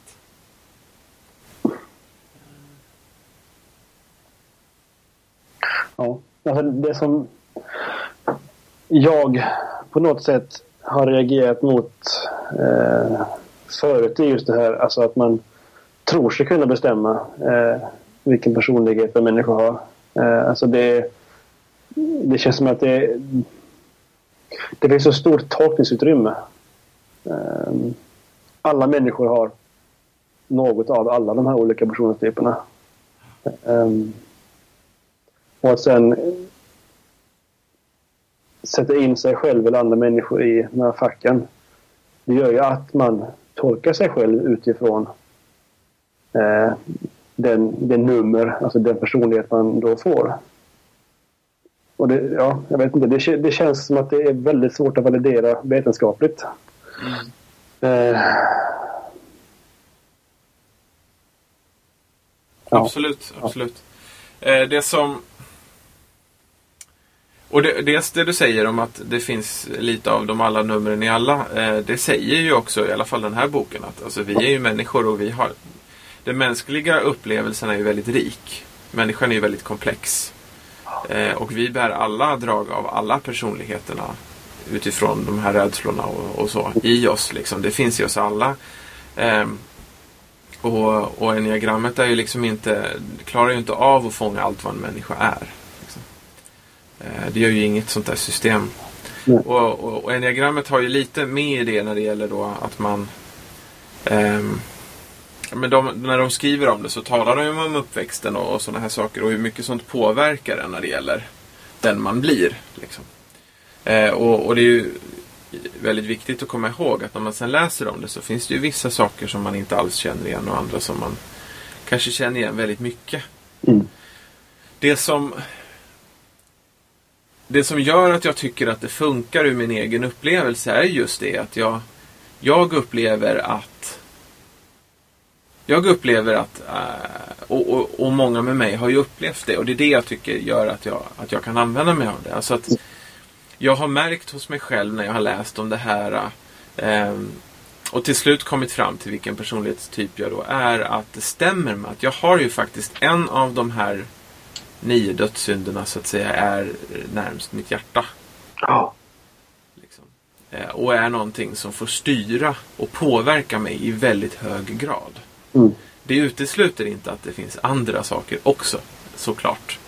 Eh, som påverkar och styr. Och det tycker jag också är givande att läsa i enneagrammet. Därför att det, det, är också, det gör också eh, med de andra synderna så att säga. Så att det är också mönster och sånt jag kan se att jag själv kan agera utifrån. Eh, men, men jag kan se att det finns någonting som ligger mig extra nära. Liksom. Mm. Eh, och för mig blir det ehm, Alltså för mig på ett väldigt abstrakt plan så tycker jag att man kan, man kan ta en lista av synder. Som man ju har gjort här, fast över lång tid. Men man tar en lista av synder och så spekulerar man och jobbar fram profiler. Profiler för människor liksom utifrån de här. Och sen så sätter man ihop det till ett system. Mm. Eh, och sen så kan man som, som eh, en, en funderande, reflekterande person läsa igenom det här och använda det som en grund för att reflektera över sitt eget liv. Liksom. Och sen så huruvida man eh, på alla plan håller med och inte och så, det, det är en annan sak. Liksom. Eh, det är det jag tycker ändå gör att jag kan, jag kan känna att jag kan ta till mig av det. Alltså Mm. att jag skulle kunna ta något annat sånt här system också och göra samma sak och få ut väldigt mycket av det. Därför att det hjälper mig att reflektera över mitt liv. Liksom. Det är ett verktyg som delar upp och utifrån ändå en hel del mänsklig erfarenhet också kan fylla på med saker jag inte ens kanske hade tänkt på tidigare. Och så. Det, det som är en, en fara och som man ska se upp med och som också boken varnar för det är ju att man bara ska se sig som en siffra. Ja. Eh, för det är man ju inte. Utan man är ju en människa och man har drag av allt. Eh, och man har också ehm, på grund av sin bakgrund och det man är med om så, så, så kanske man också slår mot vissa håll mer än andra. Och kanske inte heller som enneagrammet beskriver det. För enneagrammet har en beskrivning för hur man som människa också drar åt vissa håll kanske. Mm. Och de stämmer nog en del. Men, men det, det kan inte fånga allting. Liksom. Och det tror jag inte det försöker heller om man, om man tänker på det. Så att säga. Nej. Eh, Så med allt det sagt kanske vi ska prata lite om, om typerna. Ja, Eller? gärna. Eh, Mm. och då ska jag väl säga det att, att enneagrammet har nio personlighetstyper. Eh, så nu kommer jag alltså inte prata om typerna direkt för jag inser att jag måste berätta en annan sak först. Så hänger ihop med det. Eh, och då är det uppdelat eh, tre och tre par. Eh, utifrån ens primära eh, reaktionssätt kan man väl säga. Alltså vi reagerar ju, alla människor reagerar med både instinkt, hjärta och hjärna. Som människor gör vi ju det. Mm. Eh, Men, men, men vad enneagrammet säger, i alla fall den här versionen som jag tycker är intressant, att man, man reagerar med en lite starkare än de andra. Det är en som går före de andra. Allting finns, men, men en går före. Liksom. Ehm, och då är det den första då, det är den som kallar, man kan kalla det för magkänslan, instinkten. Liksom. Mm. Eh, att en del människor reagerar med instinkten först då. Och beskrivningen i, i den här enneagramsboken handlar ju mycket om att man Alltså att, att po- poängen med det här är att det inte är en filtrering genom hjärnan innan man reagerar utan det är en mer direkt reaktion så att säga. Eh, och då försöker man måla upp det här lite grann då utifrån att om man då är i en ny situation som en sån här människa då har man lite attityden här är jag. Eh, deal with it. Liksom. Eh, eller så frågar de i en ny situation varför är jag här? Mm. Liksom. Eh, och att livet för den typen av människa är lite som en strid, ett stridsfält. Liksom. Och att det är människor som ofta bryr sig om, ofta omedvetet, men de bryr sig om makt och rättvisa. Och de vill veta vem som bestämmer. De är oftast direkta, direkt öppet eller i hemlighet aggressiva. Och kräver sitt territorium. Eh, och sen finns det lite annat här man kan, man kan titta på också när det gäller dem. Men jag ska försöka hålla det lite kort. Mm. Ehm, Så det är en, en typ av människa. Och sen har vi då hjärtmänniskan. Eh, och hjärtmänniskan eh, lever i världen av subjektiva känslor. Så hjärtmänniskor är egentligen fel term då. Eh, för det handlar inte om att de har tillgång till sina egna känslor. Utan det är människor som upplever sig själva i reaktion till andras känslor eller beteenden. Och de har svårt att vara sig själva och söker hela tiden vägar att få andras beröm eller uppmärksamhet. Eh, Och på samma sätt som magmän, alltså instinktsmänniskor bryr sig mycket om makt och rättvisa så bryr sig hjärtmänniskorna om att vara tillsammans med andra. De har svårt att vara själva. Och i en ny situation så frågar de, kommer du tycka om mig? Eller, vem är jag med? Mm. Och de ser livet som en uppgift som måste hanteras, vilket innebär att de är aktiva en väldigt stor del av tiden. Och de, i detta är de ofta också upptagna, fast omedvetet, med prestige och image. Och sen har vi då den tredje kategorin som är då eh, hjärnmänniskor. Som använder hjärnan. Hjärnan är kontrolltornet för dem. Och i varje situation så är det de, de är de första som tar ett steg tillbaka och reflekterar. Eh, och de vill se helheten i situationer och se livet som en gåta och ett mysterium. Eh, och deras attityder är i regel att vara opåverkade och sakliga. Och de verkar ha få behov och lämnar utrymme till andra. Och hjärnpersonen frågar ofta då, är jag beroende? Är jag oberoende? I relation till ett sammanhang. Eh, och de agerar efter att de har tänkt över saker och gör vad de ska på ett metodiskt sätt. Och de eh, i akutsituationer så förebrår de sig själva för att vara dumma eller ovärdiga för att de inte kunde agera mer eh, objektivt. Deras oro är överdriven och de gömmer sina känslor, särskilt de ömtåliga känslorna. Ofta bakom en fasad av objektivitet och oengagemang. Utåt sett verkar de ofta klara, övertygade och smarta. Och inåt sett känner de sig ofta isolerade, förvirrade eller meningslösa. Så det är då de tre start... Man kan starta med det. Liksom att, eh, alla har ju allt det här. Tänker jag. Mm. Eh, Att man kan känna igen sig i alla de sakerna. Men att det är någonting av dem som är starkare. Liksom. Det är något av dem som, som är ens primära. Hur man, hur man startar, så att säga, i en ny, i, i en ny situation. Liksom. Och då tillhör de tre första personlighetstyperna, alltså ett, två, tre, tillhör den första av de här tre. Nej, det gör inte det. Så det var bra du sa det. Ja, Eh, utan det är bara den första personlighetstypen. Alltså ettan tillhör den här. mm. Och sen så är det tvåan till och med fyran tillhör hjärtat. Och femman till och med sjuan tillhör hjärnan. Och sen är det åttan och nian som tillsammans med ettan tillhör instinkt. okej. Så så hänger det ihop då. Och vi återkommer mer till det här tror jag nu, i och med, i och med att jag går igenom det. Så tror jag det blir lite tydligare också faktiskt hur det hänger ihop. Mm. Det där då. Eh, och eh, nu tänkte jag gå igenom typerna. Eh, vi kan väl ta en typ i taget och så kan vi prata lite om det kanske. Sådär. Så det här blir ett långt avsnitt ikväll tror Ja. jag. Bara som en liten varning. Vi är redan uppe i 52 minuter. Men förra avsnittet var ju kort. Alltså förra, förra var kort. Ja, det är sant. Nej, det var en och en halv timme. Var det? Oh, tjena. Ja, då har, men då kanske det kan bli lika långt. Ja. Få pausa när ni tröttnar. Ja. Eh, typ 1. Det är den som har behovet av att vara perfekt. Ettorna är de som är idealister. De är motiverade och drivna av sin längtan efter en sann, rättvis och moralisk värld. De är ärliga och rättvisa och kan få andra att arbeta och mogna och växa. växa. De är ofta duktiga lärare som strävar efter att gå framåt, sätta ett gott exempel. Och de har svårt att acceptera det som inte är perfekt. Andra människors operfektion. Men framför allt sin egen brist på perfektion. Bara när de är fokuserade och avslappnade kan de acceptera att leva i en fortfarande ej perfekt tillvaro och lita på den gradvisa växten av det goda. Från tidig ålder försöker ettor, och det här är intressant för i beskrivningen i boken så skriver de det i början också som en, både en varning och ett löfte. Eh, att de försöker måla en bild liksom, eh, och använder olika saker för att hjälpa till med det så att man ska få mer att tänka på. Eh, de, de till exempel använder eh, länder, alltså det stereotypa man tänker kring länder och kopplar till enneagrammet. Alltså, eh, vilket land är det som är kopplat till typ 1 till exempel. Då, sådär, för att hjälpa till att få en mer fullödig bild. Liksom. Eh, likadant använder de också det man associerar med vissa djur och kopplar till till exempel. Och, sådär. Eh, och det gör man bara för att försöka ge en mer fullödig bild. Liksom. Och likadant nu då, fast det här är kanske lite mer underbyggt då, men att man försöker då eh, beskriva hur en tänkbar barndom har varit för en sån här person. Då. Och det är någonting som kanske ganska ofta kan ha stämt, men det måste ju kanske inte vara just så här heller. Då. Men det kan vara bra med att det handlar om att försöka fånga, fånga det hela. Liksom.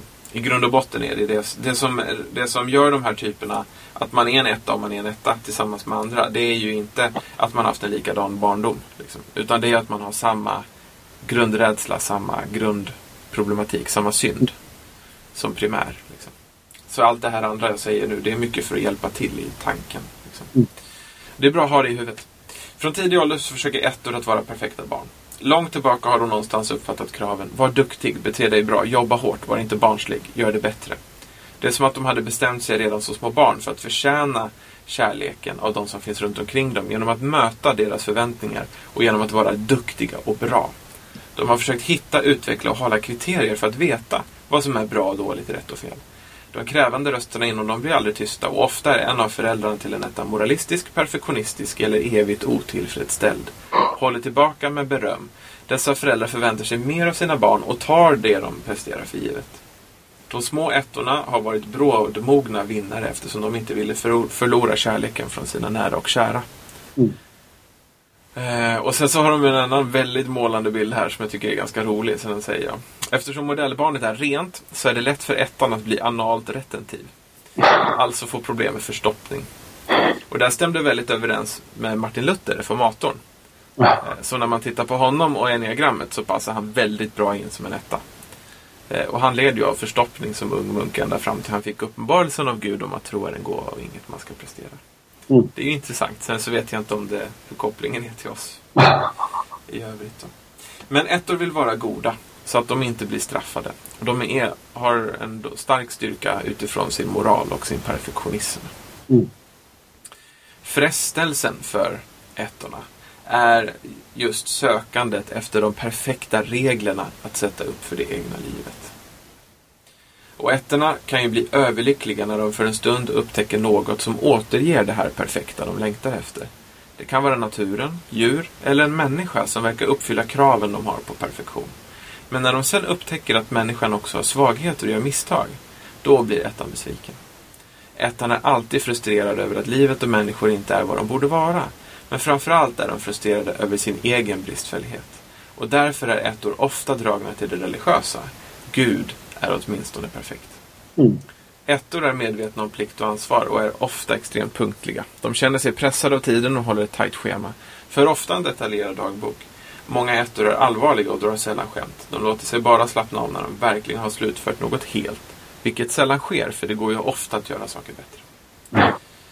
Ilska är ettornas rotsynd. Så här har vi då dödssynden. Ilska. Nu ska vi se vad, vad har vi i listan nu. Jag vill ha fram Wahlgros här med sin lista. Du, du, du. Ilska, det är ju anger, ilska här om man tittar på den sidan. Och det är intressant för där finns då a desire for something right. Precis. Så det är den här perfektionismen vi ser kopplad här då. Ehm, ilskan då ja. Problemet är att de väldigt sällan vill se det här hos sig själva. För att ett eh, modellbarn, det perfekta barnet, är inte argt. Eh, försvarsmekanismen som ettorna utvecklar är att de lär sig att censurera sig själva. Så de har kontroll på vad de säger eller visar. Eh, och detta kan förstås leda till att de går omkring och bara väntar på att explodera med all den här ilskan som de bär runt på. Eh, ettan har lätt också att jobba ihjäl sig. Andens frukt, det är något som boken också tar upp hela tiden. Då. Andens frukt är motsatsen till då rotsynden. Och för ettan är det glädjefyllt lugn. Och vad ettorna behöver göra det är att känna och erkänna att världen är bristfällig och acceptera att den är det. Och i boken så står det att många ettor säger att vägen till mognad för dem har varit bön, kärlek och naturen. Så det var ettan. Ja. Perfektionisten. Alltså jag sitter ju och tittar på hela listan här. Alla nio typer. Mm. Jag har en som jag, alltså jag har gjort det här testet. Eller ett sånt här test. Och jag vet hur det är. Men alltså man ser ju verkligen sig själv i alla. Mer eller mindre. Um, jag är inte etta, men det finns helt klart drag av det. Mm.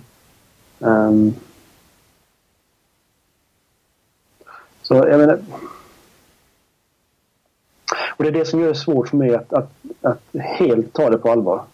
Alltså just för att Jag, verkligen, alltså, jag skulle kunna säga att jag är etta. Det är jag inte. Jag känner att jag inte är det. Men eh, i och med att varje sån här eh, personlighetstyp är så väl beskriven. Um, ehm, uh, eh, och så sammanhållen i sina teman. Um, så gör det att jag, jag ganska lätt kan säga att jag, jag skulle kunna vara en etta. Um, Fast det är det jag tänker att det är en fortsatt reflektion kring de här grundrotsynderna.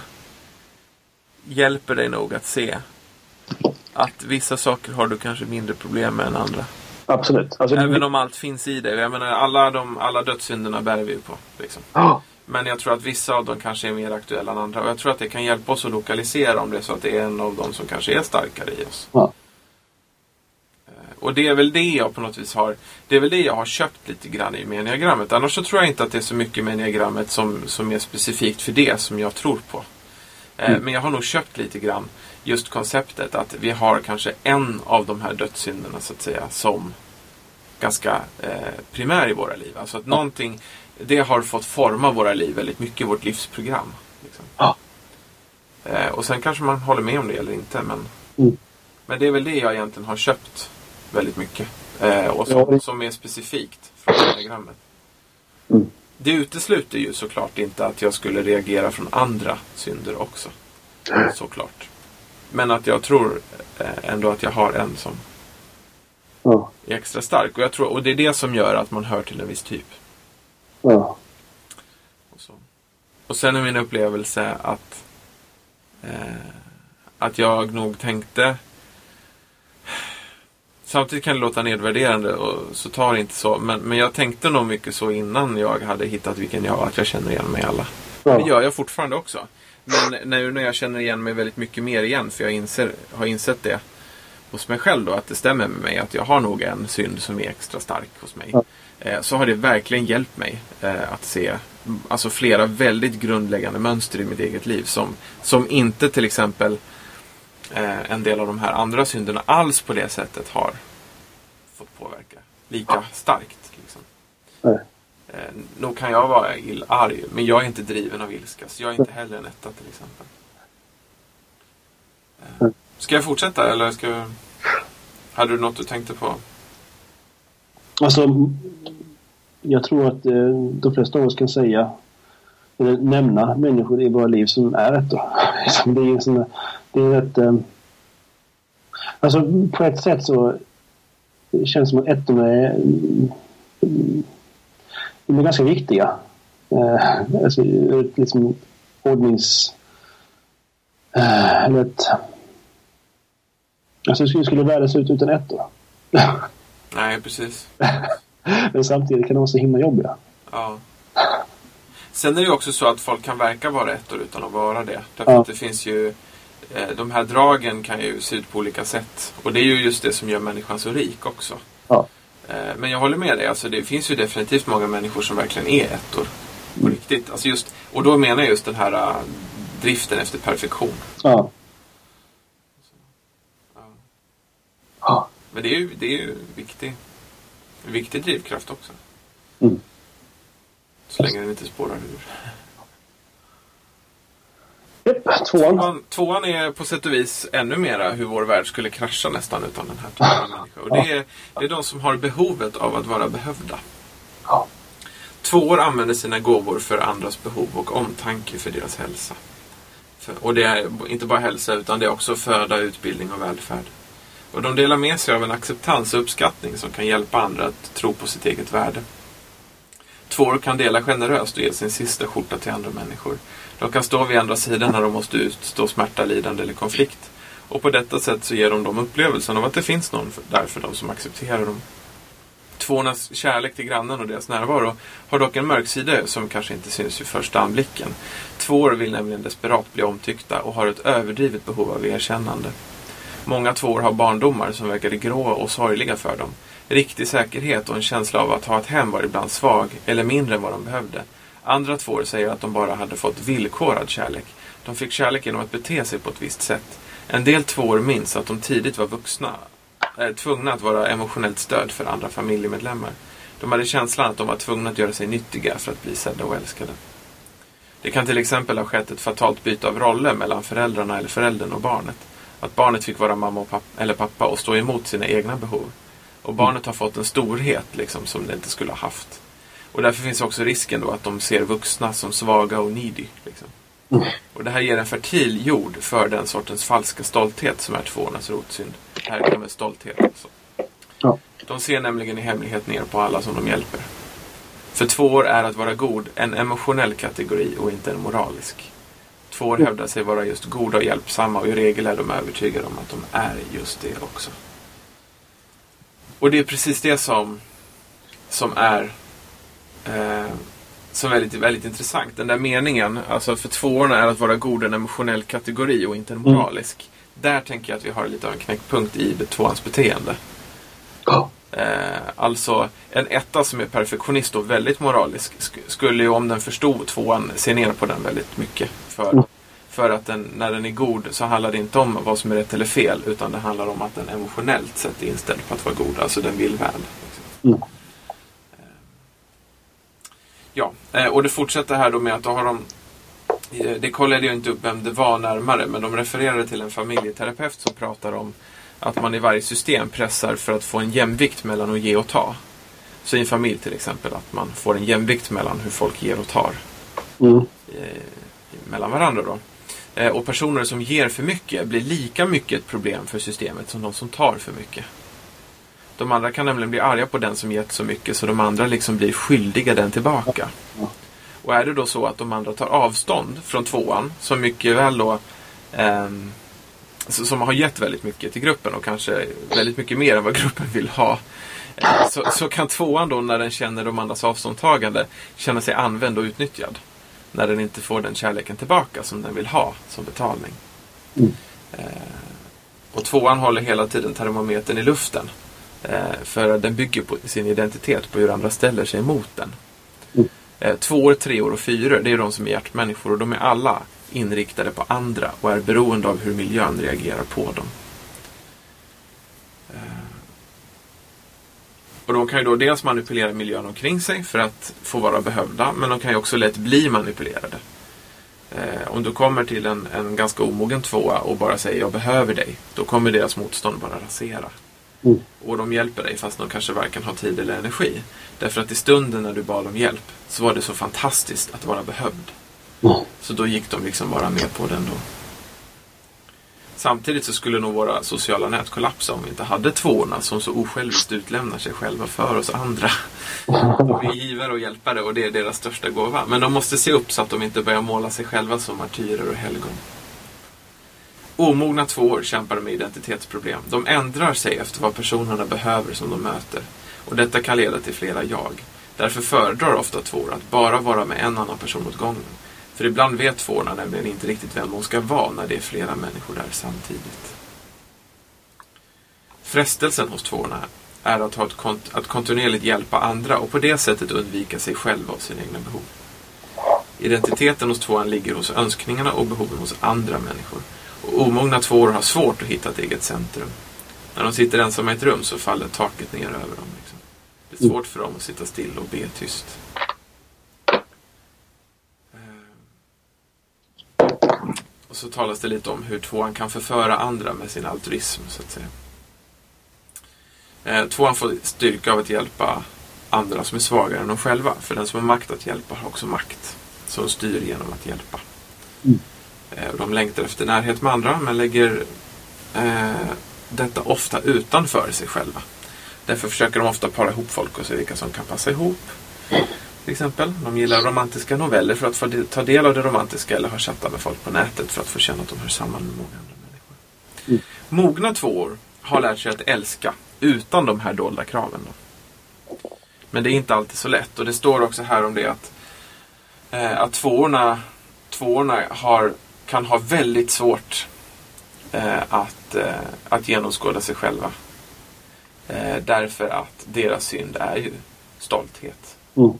Och stoltheten är otroligt svår Mm. att se igenom. Det kan vi bara tänka på oss själva för vi har ju alla stolthet i oss. Och när stoltheten kommer emellan då, är det, då blir det ju bara totalblock. Liksom. Eh, Här finns ett exempel på hur tvåor kan vara. Ett klassiskt exempel är tvåan, oftast en kvinna, som blir tillsammans med en missbrukare. Så hon hjälper honom, står ut med allt, förlåter honom, fortsätter ge honom andra chanser. Allt detta utan att inse att det är på grund av hennes beteende som han kan fortsätta att leva så destruktivt. Mm. Omedvetet är dock detta också hennes mål. Hon skulle aldrig erkänna det här för sig själv. Men om han vore hälsosam och självständig, då skulle han ju kanske inte behöva henne längre. Och kanske skulle han då lämna henne. Och det är liksom dilemmat en omogen tvåa står i då. Att den behöver ju vara behövd. Och då blir det lätt att understödja någon som fortsätter behöva en. Liksom. Mm. En annan sak som sägs också är ju att det är, är ju fler kvinnor än män som är tvåor. Eh, Och en del argumenterar också för att eh, många kvinnor har tvåan som en bityp. Till sin egen typ. Därför tvåan är den klassiska bilden av kvinnan. En stereotyp bild av kvinnan. Finns det mo- mo- motsvarande för män? Alltså det, gör, det gör det inte. Nej. Nej. Det finns ingen motsvarande sån typ för män. Utan det är just tvåan som är, som är liksom sådana stark stereotyp på kvinnan. Liksom. Mm. Rotsynden är ju som sagt stoltheten då. Och den här stoltheten kan ta sig messianska, världsräddande uttryck. Jag är mer kärleksfull och inkännande än någon av er. Min kärlek ska rädda världen. Jag ska se till att min kärlek räddar dig. Jag ska göra min kärlek så viktig i ditt liv och i ditt system att du inte kommer klara det utan mig. Eh, riktig självkännedom och medvetenhet är svårare för tvåor just på grund av stoltheten. Och de får jobba hårt för att liksom få in en så att säga, objektiv observatör i sitt inre som kan hjälpa dem att se igenom sig själva. Och tvåor har ofta svårt att bygga en riktig relation med Gud. Eftersom de själva är så älskande utåt. De tänker snarare att Gud behöver dem. Hur ska Mm. världen annars räddas? Eh, Och i boken så står det om en ung teolog som själv var en tvåa som sa så här. Vi tvåor är ateister i praktiken. Det är bara när vi är sjuka, ruinerade och ligger i sängen på grund av en breakdown som vi verkligen kan be från hjärtat Gud var mig nådig. Intressant det där. Som är, eh, just stoltheten har ju har ju angetts som, som Satans liksom, grundsynd. Ja. Alltså, det är ju ur, stolthet är ursynden. Ja, Ehm, alltså att sätta sig själv över Gud. just det. Man vill inte vara en tvåa då när man själv.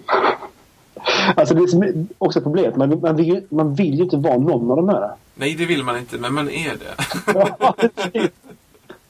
Och man har som sagt drag av alla. Ja. Så är det ju också. Ja. Ja. Men eh, alltså ska man, ska man vara väldigt stereotyp så är ju diakonen. Det finns ju väldigt många tvåor som är diakoner. Ja. Och de är ju jätteviktiga.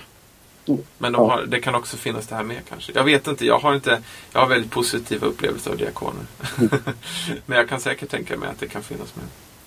Och försvarsmekanismen för tvåan är just att förtrycka och hålla tillbaka. De kan förgifta atmosfären i en hel grupp utan att säga ett ord. Men när de får frågan och säga vad som egentligen är fel så säger de att nej men det är inget fel alls. Ja, de är bara okej. Men hela, hela atmosfären är förgiftad. Det har vi nog varit med om. Oavsett om det har varit en tvåa som har gjort det eller inte. Och fallgropen för tvåor är tillmötesgåendet eller smickret. De förnekar sig själva för att kunna hjälpa andra. Och de skäms så mycket över sina egna behov att de gör andra beroende av dem för att få en känsla av värde själva. Och detta... Eh, ja. Och detta kan göra att tvåor kan bli väldigt självständiga. I det. I den kampen. En dag kan en osjälvständig, jag menar det förstås. En dag, däremot kommer det nu, en dag kan en tvåa tröttna på att ha gett ut sig själv så mycket och blivit utnyttjad. Så den kastar allt och vill bevisa för världen att den inte behöver den längre utan är självständig. Så där kan det också slå över liksom. när man- Så. Och andens frukt då för tvåan är ju såklart motsatsen till stolthet. När de inser sina egna motiv så får de ett riktigt tillnyktrande. När en tvåa verkligen vågar se igenom sig själv och att motiven inte alls är osjälviska så är det också en rätt tuff upptäckt. Men den leder till riktig ödmjukhet och upptäckten av att det är Gud som är den stora kärleken och vi får vara med och ge av hans kärlek vidare. Istället för att själva vara den stora kärleken. Mm. Mm. Det var tvåan. Mm. Ska jag köra på? Kör på. Kör på. Mm. Då hoppar vi över på trean såklart. Det är ju nästa siffra. typ 3. Behovet av att lyckas. De speciella talangerna hos treorna får dem ofta att utstråla en lätthet och en förvissning som inspirerar till tilltro. Och det här låter dem att skapa en god atmosfär runt sig. De har lätt att få saker gjorda effektivt, kompetent, satsa på och uppnå personliga mål såväl som att inspirera och motivera andra människor och göra det möjligt för dem att komma framåt också. Treor har ett sjätte sinne för att uppfatta hur mycket en uppgift kommer att kräva och att förstå dynamiken i grupper. De identifierar sig själva med företaget eller organisationen som de jobbar för och de vill lära känna och nätverka med medlemmar i gruppen. Trean är i mitten av den emotionella gruppen, alltså 2, 3, 4-gruppen, men har svårast att hantera sina egna känslor. Treorna håller, precis som tvåorna, en termometer i luften för att kolla läget. Men de frågar inte om de andra gillar dem, utan de frågar är jag framgångsrik? Kommer jag fram? Som barn blev treor ofta älskade, fick beröm och belöning för sånt som de uppnådde och lyckades med. När de kom hem med många rätt på proven, vunnit i fotboll etc. De fick lära sig tidigt att de är bra när de vinner. Treor drar sin livsenergi från sina framgångar och treor är ofta showmänniskor, sådana som uppnår, karriärister, statussökare och kan ofta hantera de här rollerna bättre än vad de kan hantera sina riktiga jag. Treor utkämpar alltid en kamp för att vinna eller förlora. Treor kan arbeta riktigt hårt och lägga in all energi i ett projekt. De är ofta mycket kompetenta i sitt fält och slår ofta folk som än mer kompetenta än vad de redan är. Eh, treor är ofta attraktiva, framgångsrika typer som går genom världen leende och som får allt de vill i knät. I verkligheten är det inget som kommer gratis till dem, utan de arbetar hårt för sin framgång, men de vill inte att det ska synas utåt. Treor har en tendens att ha en överdrivet positiv bild av det som de identifierar sig med. Eh, tvåor gör allt för att vara behövda. Treor gör det för att få beröm och ära. Beröm får treans motor att gå. Treor är ännu mer beroende av reaktioner från andra människor, men det syns sällan utåt. Treans frestelse är effektivitet. Och de, ser, de tänker ofta att man får vad man förtjänar eftersom man får vad man jobbar för. Och det gör att de kanske till och med kan se ner på fattiga som moraliskt lägre eftersom de är fattiga och inte har jobbat upp sig. Försvarsmekanismen hos treor är identifikation. Treor skyddar sig själva från hot genom att bli fullt involverade i sina projekt och de går sällan med på kritik mot sin grupp eller sitt företag. Misslyckande är vad treornas undvikande handlar om. De, tänker ofta, de täcker ofta över det på tre olika sätt. Det första är att formulera om det hela till en delvis framgång. Den andra strategin de har är att de gärna skyller det på någon annan. Och den tredje är att de gärna hoppar skeppet först för att börja på något nytt, mer spännande projekt. Mm. Och det gör då att rotsynden för treor är lögn och svek. Och då ska vi se här i listan Evagrios som jag hela tiden tappar bort i webbläsaren. Jag fattar inte varför. Eh, var har vi det någonstans här? Mm. Mm. Är det Vainglory kanske?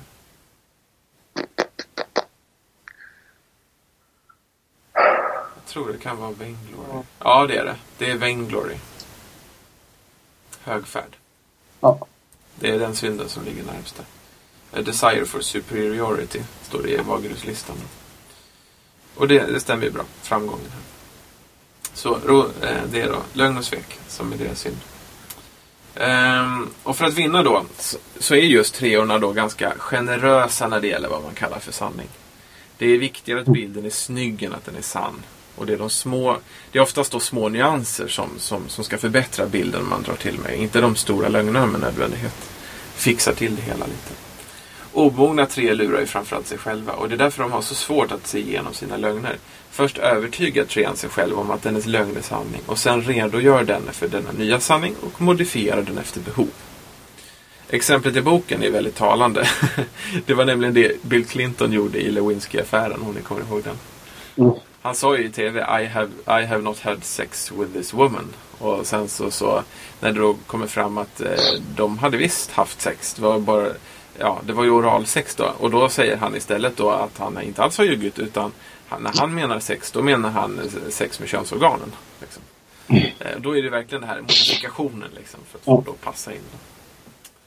Eh, och fallgropen då för omogna treor är fåfänga. Ja, här kommer ju högfärden. Ja, alltså att yttre saker som paketering, kläder, det yttre intrycket går före viktigare saker som substans, person och innehåll. Andens frukt hos en trea är motsatsen till fåfänga. Sanning och ärlighet. En omvänd trea har funnit vägen till sanningen. Det roliga här är att i Wagrens lista ehm, så har motgiftet mot treans synd eh, angetts som ödmjukhet. Jaha, Mm. Oppose with humility. oppose. Eh, Jag försöker se var i listan man kunde se det någonstans. Om du trycker på Vainglory Mm. så har du ett eh, eh, sex, sexfälts... Eh, Ja, där ja. Just det. Men jag förstår inte de där fälten, för de är lite förvirrande. För vadå Most Subtle står det ju bredvid där. Att det, är den, alltså det här är den mest eh, Subtila. subtila av, av de åtta. Och det stämmer rätt bra med, med förklaringen också i Ja. enneagrammet där. Att de är ju Ja. rätt subtila. Ja. Oppose with humility. Ja, det var intressant. Ja, Och det stämmer ju också. ja men absolut. Absolut. absolut. Och, och, och jag menar, det är klart ödmjukhet återkommer ju i, i alla. Ja, visst. Så det är ju det är en motmedel mot alla också. Ja. Såklart. Ja, ska jag gå vidare? Jag håller på att somna här. Du tycker det är så tråkigt? Nej, det är väldigt intressant. Ja, eller hur? Det är ju det. Det är ju väldigt intressant. Eh, och då kör vi vidare eh, med fyran. Som kommer efter trean. Eh, och fyran är den sista då. I den här eh, tredje delen som har hjärtat. Hjärtmänniskorna. Eh, fyran har behovet av att vara speciell. Fyror använder sina gåvor för att jobba fram en känsla av skönhet och harmoni i omgivningen. De är mycket känsliga och nästan alltid artistiellt duktiga. De kan uttrycka sina känslor i dans, musik, målningar, teater eller litteratur. Allt med vital energi drar sig till dem. Eh, eller drar dem till sig. Eh, de fångar människor och stämningar hos andra människor och atmosfären på platser och händelser med en seismografisk precision. Jag gillade det uttrycket. Fyror är av naturen inriktade mot ekumenik. De förkastar indelningen mellan heligt och profant. De är mer hemma i det omedvetnas värld än i den vanliga världen. Symbolerna och drömmarnas land än den verkliga världen. De kan hjälpa andra att se det vackra och drömmarnas och symbolernas land. Fyror får också sin energi från andra. Deras livsfrågor är Vad tycker du om mig? Ser du mig? Fångar jag ditt öga? Fyror vill vara estetiskt tilltalande, vara exceptionella, kreativa. I vissa fall vill de vara svårfångade, excentriska, extravaganta eller exotiska. Deras spontanitet är lite ansträngd. De kanske säger att de kastat på sig kläderna i all hast, men egentligen har de noga tänkt ut vad de ska ha på sig för att få den effekt de vill. De väljer med flit den kombinationen av kläder och färger som gör att de sticker ut från andra. Fyrornas liv är format av längtan. Längtan efter skönhet och önskan att världen skulle sitta samman i en harmonisk helhet. I barndomen har fyrorna ofta haft upplevelsen av att nuet har varit outhärdligt eller meningslöst.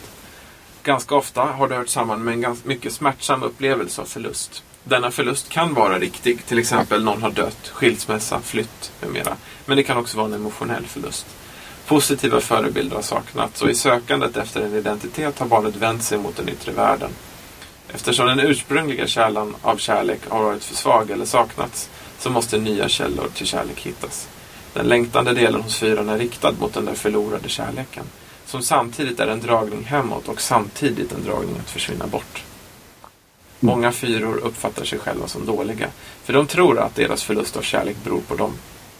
Så de kan bära skam över det här. Men detta kan leda till beteenden som är skandalösa och som gör att de förskjuts från sina sammanhang.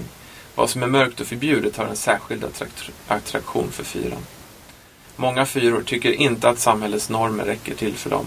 På grund av styrkan i upplevelsen av utanförskap så känner de ofta att de är främlingar och outsiders av naturen. Och därför ser de sig ha rätten att lägga egna normer. Många fyror har ett elitistiskt tankesätt. De försöker möta särskilda standards och känner en otillräcklighet när det kontinuerligt inte funkar för dem. Fyror känns lätt igen, de har ofta annorlunda kläder. Nästan alla fyror visar en melankolisk sida med preferens för mörka färger som svart och lila. En del vill ha så annorlunda galna kläder som det går. Eh, och sen så försöker de ju använda olika grupper här nu då. Många är vegetarianer, slåss för djurens rättigheter, aktiva feminister, med i grupper som har starka åsikter om kost etc. Det är viktigt att komma ihåg, eh, och här poängterar jag också i min föreläsning för ungdomarna sen då, att, så att de inte tror att det är ett sätt att paketera in de som slåss för djurens rättigheter, vegetarianer eller feminister, som att de har fel bara för att man är en fyra automatiskt. För det är ju inte det som är poängen liksom. Utan det handlar ju bara om att, ja, att fyror kanske har en dragning till olika sådana här grupper. Liksom. Oavsett om de har fel eller rätt i vad de tycker. Ägande ger fyror väldigt lite glädje. Längtan är viktigare än att ha. Så fort de får ha det de önskar sig så blir de besvikna, ofta. Därför kan det vara komplicerat att vara ihop med en fyra. Och så har de med en fyras berättelse. Då. Som ung flicka längtade jag eh, med allt vad jag var efter min, min blivande man. Och jag eh, flyttade både jorden och himlen för att få mannen jag ville ha. Men på vår bröllopsdag försvann mina romantiska känslor upp i luften. Det dröjde inte länge innan han lämnade mig, men då blev jag förälskad i honom igen. När han kom tillbaka hände det här. Så fort han stod vid min ytterdörr, då dog min kärlek igen. Jag förebrådde honom för allt han har gjort mot mig. Så fort han tröttnade på att lyssna på mig och gick iväg så vaknade min förälskelse igen. Mm. Och för de som inte är fyror låter detta kanske nästan groteskt eller lustigt. Men det är en del av problemet som fyran är fast i. De kan inte leva i nuet som är fullt av defekter och problem. Men när väl deras längtan blir verklighet så finns det alltid något fel med den. Fyror ser upp till stora auktoriteter. Viktiga poeter, musiker, musiker, gurus, rådgivare som har något djupt över sig eller är speciella på något sätt. Bara den här sortens inre auktoritet räknas. Frestelsen för fyran är att frenetiskt söka efter äkthet, autenticitet. Barn, naturen och allt som utstrålar originalitet väcker deras längtan efter enkelhet och naturligheten som de förlorat någon gång. Försvarsmekanismen hos fyran är artistiell sublimation. Alltså att man överför sina känslor till artistiella uttryck, och gärna stora sådana då, genom symboler, ritualer, dramatik. Den ej omvända fyran är övertygad om att om någon skulle se mig precis som jag är så skulle de inte klara av synen. En del fyror försöker skapa sina liv som ett slags konstverk med helheten av sina liv. Då. Och rotsynden, nu kommer vi till den, alltså dödssynden hos fyran är avund. Eh, och då har vi i listan här är det sadness va? Precis. Sadness, a desire for something else. Och Eh. hope. Hope står det där. Mm. Då ska vi se vad, vad, vad annat frukt är snart här då. Eh, avund. De ser direkt vilka som har mer stil, mer klass, mer smak, mer talang, mer ovanliga idéer eller mer geni än de själva. De ser vilka som är enklare, mer naturliga, mer normala och hälsosamma än vad de själva är. Det finns inget en fyra inte skulle kunna vara avundsjuk på. Eh, avund kan få uttryck i svartsjuka när fyran är i relation. Fyror undviker det ordinära, allt som är vanligt, konventionellt och normalt. Ett krav på att vara som alla andra kan leda till panik. Därför har de ofta svårare på också att ändra sig än andra typer. För de säger att men jag gillar att vara annorlunda. Jag vill inte passa in på det sätt som andra gör. Och det genomsyrar deras relationer och hur livet ser ut för dem. Ej omvända fyror vill inte att någon ska förstöra glädjen för dem fram till den dagen det slår till med baksidan tillbaka mot dem själva. Och de upptäcker att det här förhindrar dem själva att älska. De ser hur egocentriska de är, men det tar ofta lång tid innan de är redo att ge upp sin image. Fallgropen för fyran är deras egen melankoli. En slags sötmans vemod som ligger över deras liv som en dimma. Fyran behöver vara deprimerad och lida av och till för att kunna vara glad. Många fyror går fram och tillbaka mellan två faser. En sida är överdriven aktivitet och den andra är tillbakadragenhet och kvasiparalysering. Beroende på om fyran har en vinge till femman eller trean. Det här har med vingar att göra, det pratar vi lite om sen på slutet tror jag. Kan det påverka personen mycket och göra att två fyror kan bli väldigt olika varandra. Den med drag mot femman riskerar att bli mer inåtriktad och melankolisk och den med drag mot trean blir istället väldigt aktiv. Många fyror tar sina känslor på väldigt stort allvar och blir ur djupet av sig själva förolämpade när de blir sårade. Fyror är rädda att när denne tittar inombords mot hjärtat, då är det tomt. Det finns inget där. Andens frukt för fyror är balans. Vid 25 års ålder har fyran upplevt alla emotionella rymder och upplevelser av ångest till eufori. De kan alla nyanser av känslor och förstår den mänskliga själen bättre än andra. En fyra kan bli en imponerande person när den får balans mellan sina känslor och lever aktivt i nuet. De måste sluta leka med sitt humör och föra över det på alla andra. Så det var balans där då. Och här var det hopp. Intressant. intressant. Men det stämmer bra överens med beskrivningen på många sätt. Men väldigt, men väldigt nära. De är ju det. Det är väldigt fascinerande faktiskt. Ska jag hoppa vidare? Du, kör på. Mm. Då är vi på femman. Femman har... Och, och nu hoppar vi in i järn. Järngänget. Femman, sexan och sjuan är, är de som styrs, eh, eller alla styrs av hjärnan. Men, men de startar med hjärnan i en reaktion, så att säga. Huvudmänniskorna. Och femman har behovet att uppfatta. Femman tänker innan de agerar och har, eller det ser i alla fall ut så, en viss objektivitet. Femmans särskilda talang är att vara öppen och mottaglig för alla nya fakta och intryck. Femmor är upptäckare av nya idéer, forskare och innovatörer, objektiva, frågande och intresserade av att utforska saker i detalj. De kan vara originella tänkare, provokativa, förvånande och djupa. De är goda lyssnare eftersom de är uppmärksamma. Därför kan de uppfatta sanningen mer nyktert och objektivt. Den primära upplevelsen för många femmor är en slags tomhet. Därför längtar de efter inre fullbordan. Vissa har haft en upplevelse inom citattecken redan i magen av att inte ha varit önskade. Det finns femmor med psykiskt eller fysiskt påträngande föräldrar eller som växte upp väldigt trångt. Den inre världen var den enda fria platsen där de kunde vara ostörda. Andra upplevde motsatsen, att de som barn fick lite ömhet och intimitet. Vilket gör att de får svårt att visa känslor eller uttrycka dem fysiskt. De känner, sig, de känner i sig själva en känsla av tomhet, en brist på säkerhet och en känsla av hemlöshet och ensamhet. Femmor går genom livet och försöker fylla tomheten med vad de kan finna längs med vägen. Det gör femmor receptiva och mottagliga och gör att de är lika upptagna med att ta som tvåorna är av att ge. Mm. Femmor vill samla och kan bli just samlare av till exempel frimärken, böcker, ölunderlägg, gamla tidningar, använda mjölkkartonger etc. Mm. Femmor vill ha en, en egen liten borg att vara i där de kan vara själva. De flesta femmorna är introverta personer, undantagen bekräftar dock regeln. Femmor har ofta glasögon. Deras ögon är redan slitna vid 20 års ålder för de vill se allting. Deras energi handlar om att se allt och ta in det. Och deras ögon är som dammsugare. De ser allt och hör allt. Femmor försöker att inte låta sig dras in i känslornas stormar och vill inte att det ska synas om de är kära eller ledsna. Det går så långt att de kan ha svårt att ge uttryck för sina känslor. De kan verka otrevliga och korta mot människor, som om de inte behövde någon och såg sig som över alla andra. Men i verkligheten har femmor ett intensivt emotionellt liv. Men känslorna, de släpar liksom efter när det händer saker. De kommer inte direkt. Frestelsen för femman är kunskap. För femman är kunskap makt. Omogna femmor tror att de kan säkra sina liv genom att vara så informerade om så mycket som möjligt. Men vad de plockar upp från världen är aldrig nog. De behöver ytterligare en kurs, ett till seminarium, en bok till, en termin till och så vidare. De är ofta intellektuellt fascinerade av system som förklarar hur universum hänger ihop, eller hur den mänskliga själen hänger ihop. Psykoanalytiska modeller, typologier, Einsteins relativitetsteori, Big Bang-evolution etc. En del femmor gillar inte enneagrammet för det avslöjar deras livsprogram. Försvarsmekanismen för femman är att dra sig tillbaka. Femmor är inte rädda för något så mycket som de är rädda för emotionella sammandrabbningar. Ju mognare de är, desto mer ju omognare såklart de är, desto mer drar de sig undan från känslor, sex, relationer som skapar beroende. När du rör vid en sån femma kanske den hoppar till. Femmor vill stanna i idéernas värld. Den andra försvarsmekanismen hos femman är uppdelning. De kan dela upp sina liv så att de, de som de umgås med i en krets inte träffar de som de umgås med i en annan krets.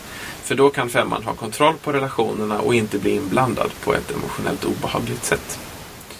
Rotsynden för femmor är girighet. Femmorna är inte givare.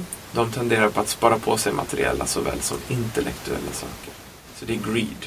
A desire for something more.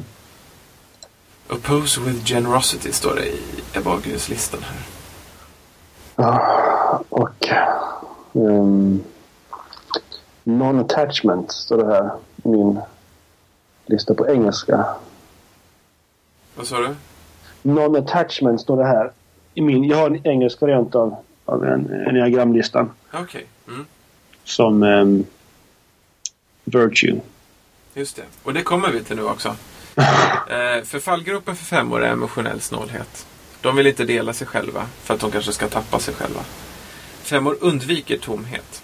Eh, på utsidan så uppfattas de ofta som mystiska och djupa. Men femman är ofta självrädd för att de har litet värde och lite rikedom i sig själva. Rädslan för tomhet styr mycket av denna oomvända femmans ageranden. Andens frukt för femman är objektivitet. Omogna femmor måste distansera sig. Mogna femmor kan distansera sig. Eh, och femman är den enda typen som har samma ord för att beskriva deras styrka och deras svaghet. Mm. Mm.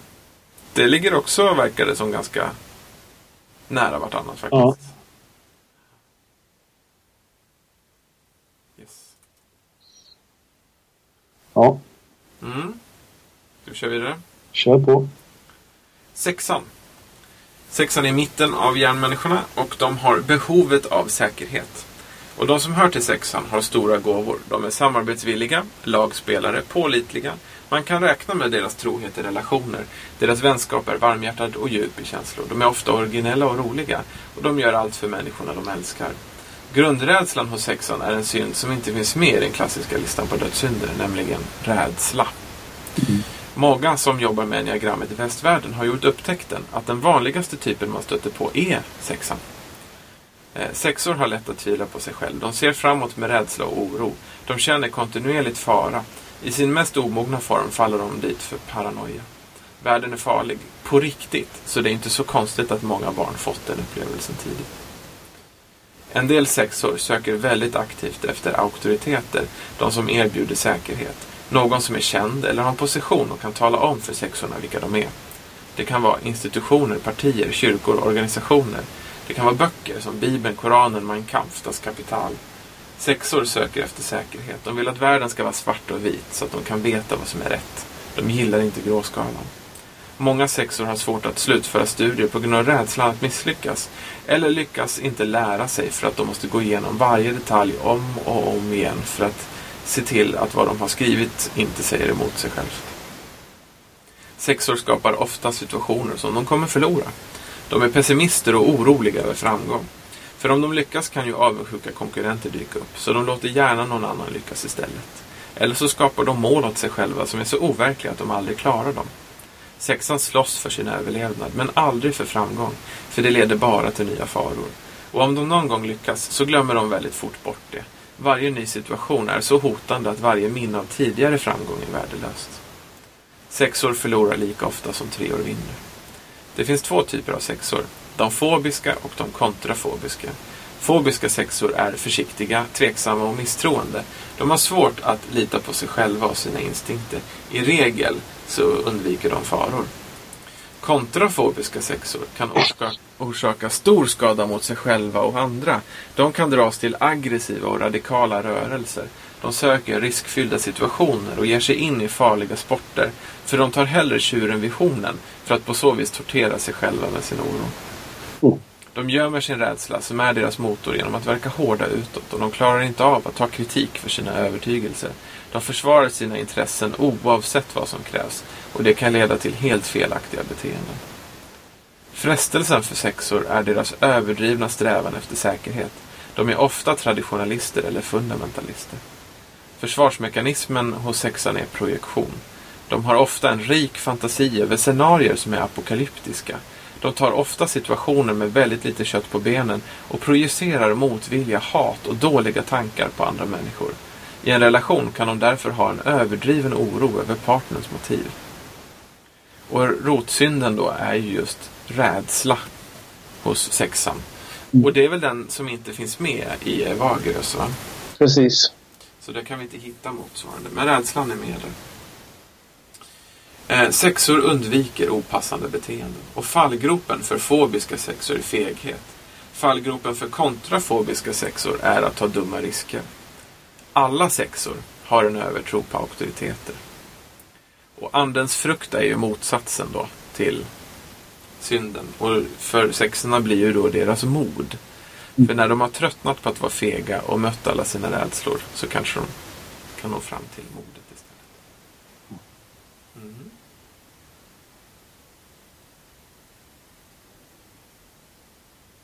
Det tycker jag ändå är en ganska motiverad synd. Rädsla. Ja, alltså jag har suttit och funderat på varför den inte är med på på ehm, um, Wahlgrens lista. Det är liksom ändå legitim. Alltså um, Men frågan är om det är en synd. Att vara rädd. Är inte det på samma sätt som de andra? Jag tänker att du kan låta att du kan låta rädslan få, få göra att du sätter någonting annat före Gud till exempel.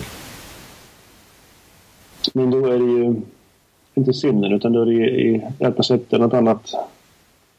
Alltså, jag tycker det känns som att, att rädsla är något som ligger bakom alla de här egentligen. På ett eller annat sätt. Alltså att, att rädslan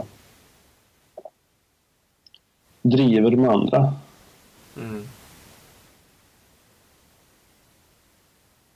Absolut. Här handlar det nu mer om att just rädslan i sig själv skulle vara drivkraften. Jo, jo jag förstår men... Ja, det är alltså, alltså en, ja, precis. Jag försöker bara säga att jag, jag tror att det Vagis är rätt. Ja, jag förstår att du försöker säga det.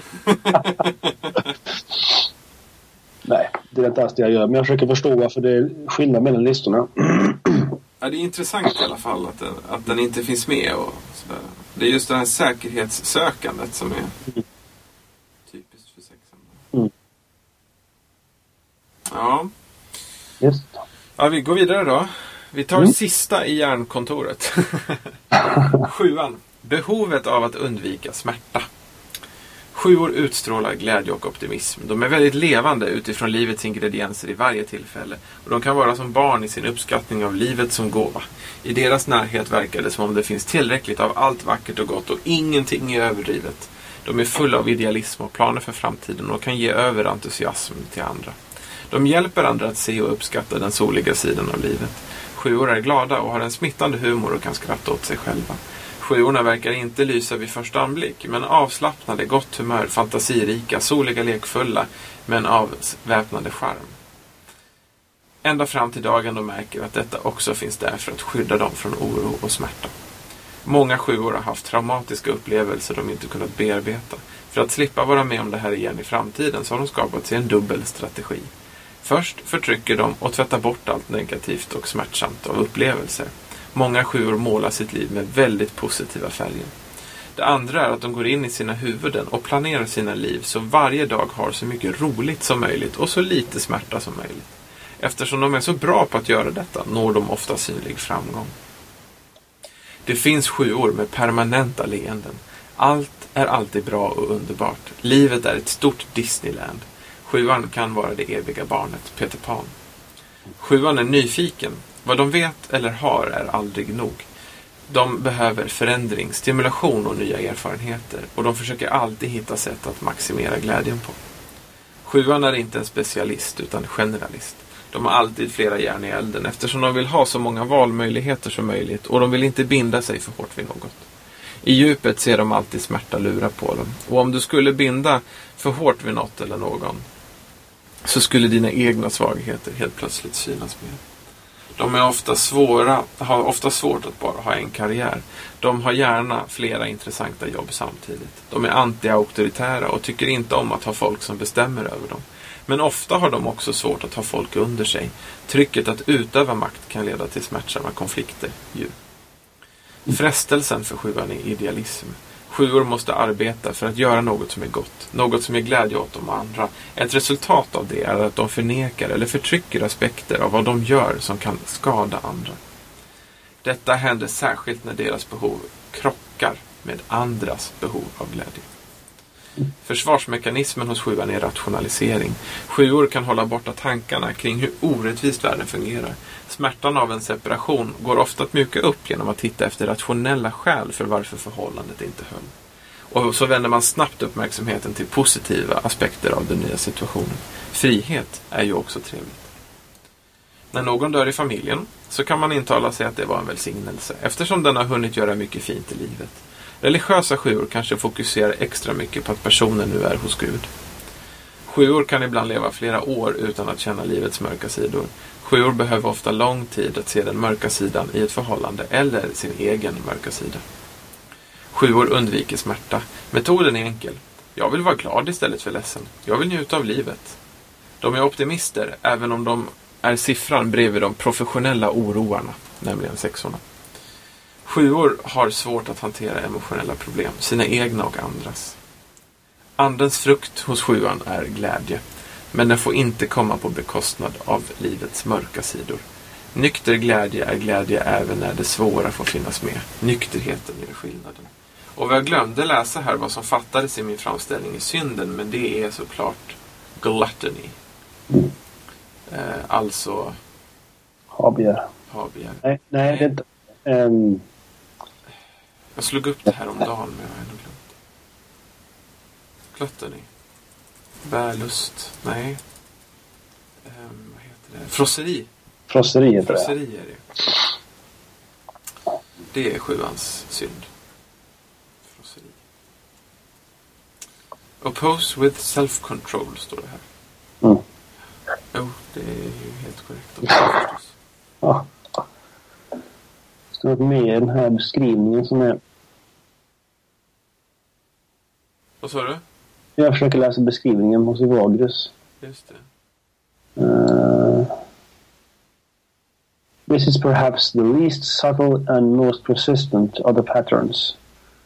Och eh, pattern det är eh, negativt eller destruktivt tankemönster hos Evagrius. Eftersom att det utgår från behov. Som finns, ja.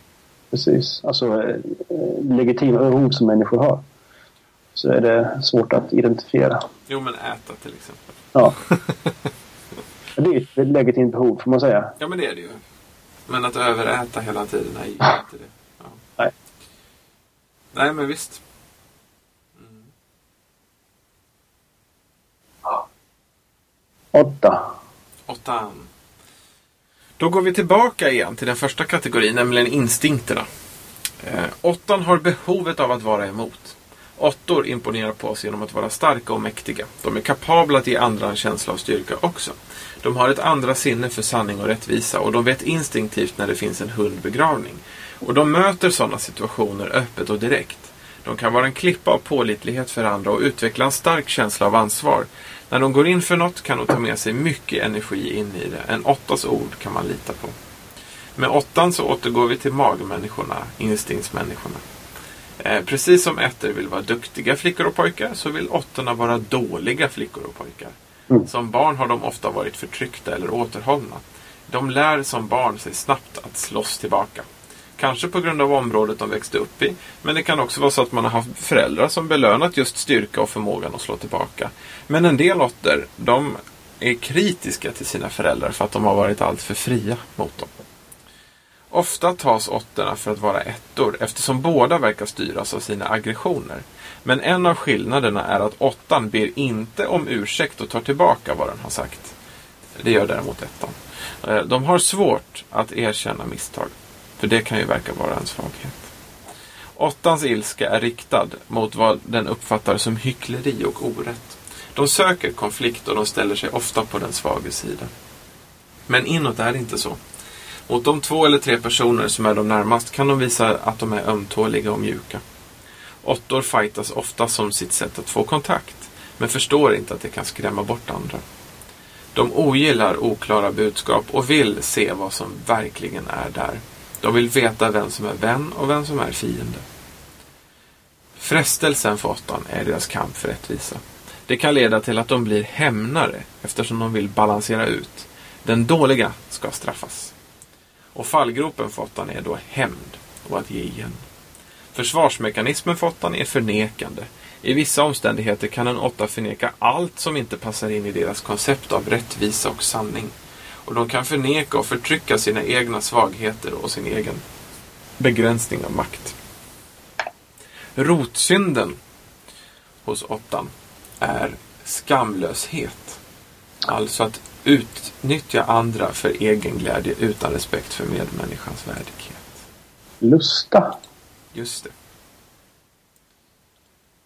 A desire for something wrong. Oppose with chastity, alltså oskyldighet. Och där lyckades jag helt tydligt. Det gick väldigt snabbt och bråttom hade jag när jag skrev det här. Eh, Mm, så att jag har inte med Andens frukt från den boken. Oskyldighet. Oskyldighet. Ja. Det är inte samma ord. Nej. Det är det inte i boken. Men det, går, det, är, inte, alltså det är inte helt annorlunda. Det är som tidigare. Eh, Det ligger i samma tema liksom. Men det är inte, jag har för mig att det är något annat. Mm.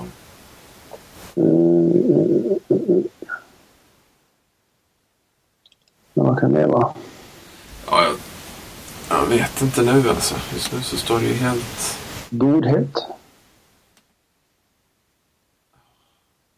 Om man kollar på Andens frukter-listan. Från Galaterbrevet då alltså. Just det. Och det är ju den de har utgått ifrån. Mm. Ja, det kan vara den alltså. Det kan vara den. Eller vänlighet. Ja. Det får bli FU nästa vecka. Ja, follow-up liksom. Ja. Jag tror det blir enklast att göra så. Sen har vi faktiskt bara en kvar. Eh, och det är ju nian. Eh.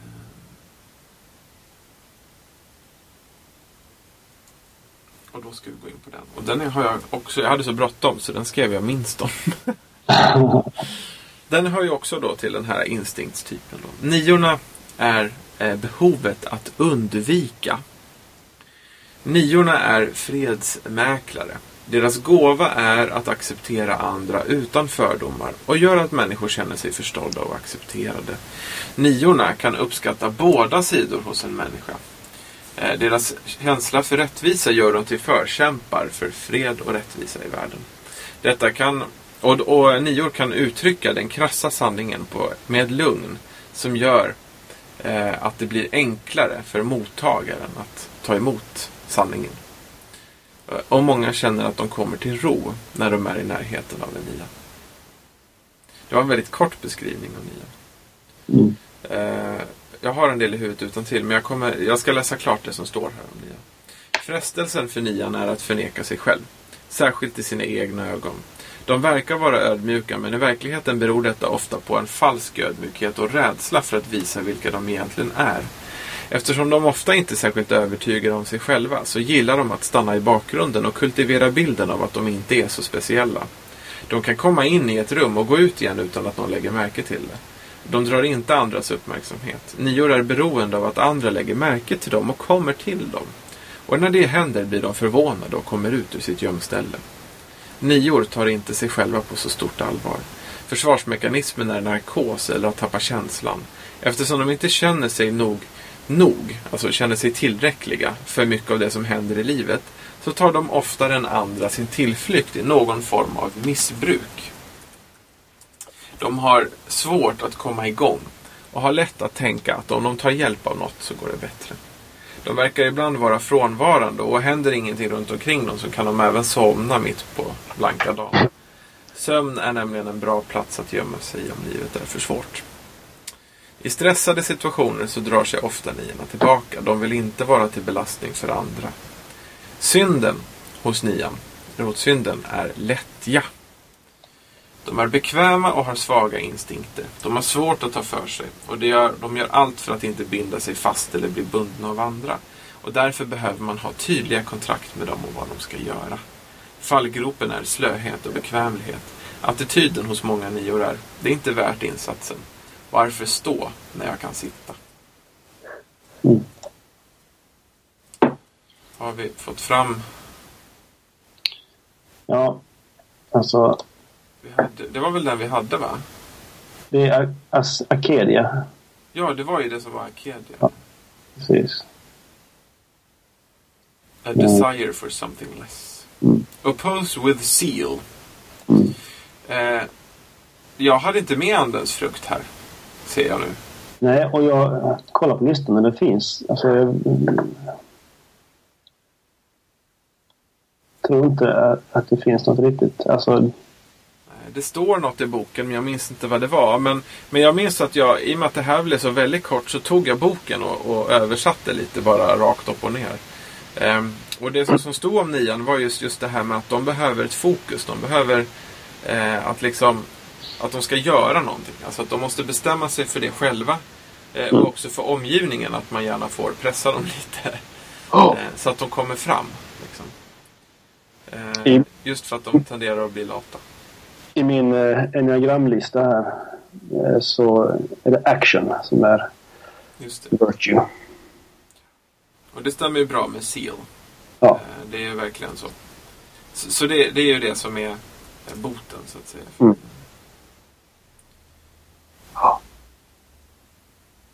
Ska jag säga någonting om, eh, om eh, stress och trygghet? Hos de här. Mm. Det kan vi göra. Eh, det jag vill bara säga, jag vill lägga till det här med vingarna vill jag bara säga. Ja. Eh, tanken med vingarna i enneagrammet eh, dels så, så har de väl en systematisering som de tror stämmer. Men dels är det också just att mänskliga erfarenheten är bredare än bara en person. Eller en av typerna snarare. Eh, och därför så, så, så tänker man i enneagrammet att man har vingar åt båda hållen. Alltså är du en femma så har du både vingar mot sexan och fyran. Mm. Och ettan då både nian och tvåan och sådär. Va? Eh, men, men att du har en av dem som primär vinge. Alltså att du har, du har en del drag som, som gör att du liknar en av de två siffrorna bredvid dig mer än den andra. Mm. Eh. Det, är, det är nian. Men eh, det här med stressen är väldigt intressant. Så den får Mm. du gärna ta upp. Och den har att göra med pilarna. Det som gör att enneagrammet eh, har de här strecken emellan. Mm. Det är, de, det är därför de finns. Men ta Du har ju, ja, alltså, tanken är att säg att du är en, eh, en etta. Då eh, är tanken då att eller erfarenheten är att om man utsätts för stress och är etta så har man en tendens att, att eh, glida mot fyran. Ehm, Och det är den omogna fyran, eller hur? Ja, precis. Alltså den dåliga eh, varianten av, eh, av fyran, eller vad man ska säga. Eh, och när man istället är, är trygg som etta så har man en tendens att falla i, i den dåliga varianten av sjuan. Nej, den mogna. Den mogna är den bra, bra varianten av, av, av sjuan. Eh, och det finns då sådana här eh, för alla givetvis. Det går pilar. Och med ettan där eh, är ju då just att alltså, när ettan blir då dålig då, då går den ner sig och, och som den momogna fyran då som tänker att den är utvald till att lida lite. Den. Att just den är så annorlunda mot världen och så. Det är ju det den faller in i liksom. Alltså, Kanske inte just det men, men det här neg- den negativa. Medan då det goda hos sjuan då är ju det här slappna av. Och med ettan då som är perfektionist så blir ju det den goda utvecklingen. Att Ja. Slappna av mer och se glädjen i livet. Liksom, så. Så det är lite så. Ja. Ja. Förlåt. Du ska få prata. Jag behöver säga så mycket mer. Alltså, ja, man kan säga att eh, tvåan eh, har åtta och fyra. Alltså att eh, när den är utsatt för stress och press så tenderar den att eh, ehm, ska man säga att ehm, eh, hur ska man det är det här med, med att utmana eh, normer. Ehm, och fyran. Ehm, alltså att, att finna någon slags balans i livet. Eh, eller i känslolivet snarare. Trean har nio och sex. Ehm, Och vilken är vilken då när du säger dem? den första är stress, den andra är trygghet. Så treans stress är att likna den dåliga nian som drar sig tillbaka och är lat. Så att säga. precis. Och sexan var det, eller vad sa du? Ja, precis. Mod. Ja. Och det finns sånt här par då för, för alla. Det. Och det är bara att gå in och kolla på nätet faktiskt. Ja. Det finns en väldigt, jag kan lägga in länk till det jag kollar på. Det är på Wikipedia. Det är en väldigt bra ehm, primer. Jag lägger den Jag har även lagt in en länk till Richard Rawls bok, alltså den boken du utgår ifrån. Just det, vad bra. Den, är, den uppskattar jag väldigt mycket. Ja, jag har själv inte läst den, men jag kanske får köpa den på Kindle eller någonting. Den finns inte på Kindle. Va? Nej, det är stört. Fy vad sunkigt. Ja. Det jag skulle vilja det är ju att se mer forskning på det här. Eh, och ännu mera när det gäller den kristna kopplingen och sådär. Alltså att, att ännu mer jobba med det. Liksom. Mm. Eh, det. Det är vad jag skulle vilja. Alltså, det, det känns ju spontant som att den kristna kopplingen är ganska så eh, självklar. Alltså det, det är ju eh, listan på åtta eh, destruktiva tankemönster. Den kopplingen är väldigt lätt tycker jag. Ja, det är sant. Mm. Så, men så skulle man gärna vilja att den utvecklades lite. Mm. Eh, alltså att man eh, eh, kunde göra någon slags andlig vägledning kring det här. Mer än ett sätt att förstå sig själv. Jag tror att jag, om det inte var i RÅR-boken, jag till och med såg dem referera till någon som har gjort det. Aha. Eller om det var på nätet jag läste det. Det var någon som just hade skrivit mer i, alltså i... Um, ja, precis. Vad heter det? Evagrius.net finns ju väldigt mycket mer än just det vi gör. Alltså du har ju... Um, mycket mer information än, än, bara det vi har mm. till. Där finns till exempel ett eh, um, dokument som heter Aspire. Som man kan säga en, en andlig um, um, det är typ andlig krigsföring fast utan demon kan man väl säga. alltså ett sätt att, uh, att motverka um, de här åtta grundsynderna i sitt liv med hjälp av olika hjälpmedel. Ja.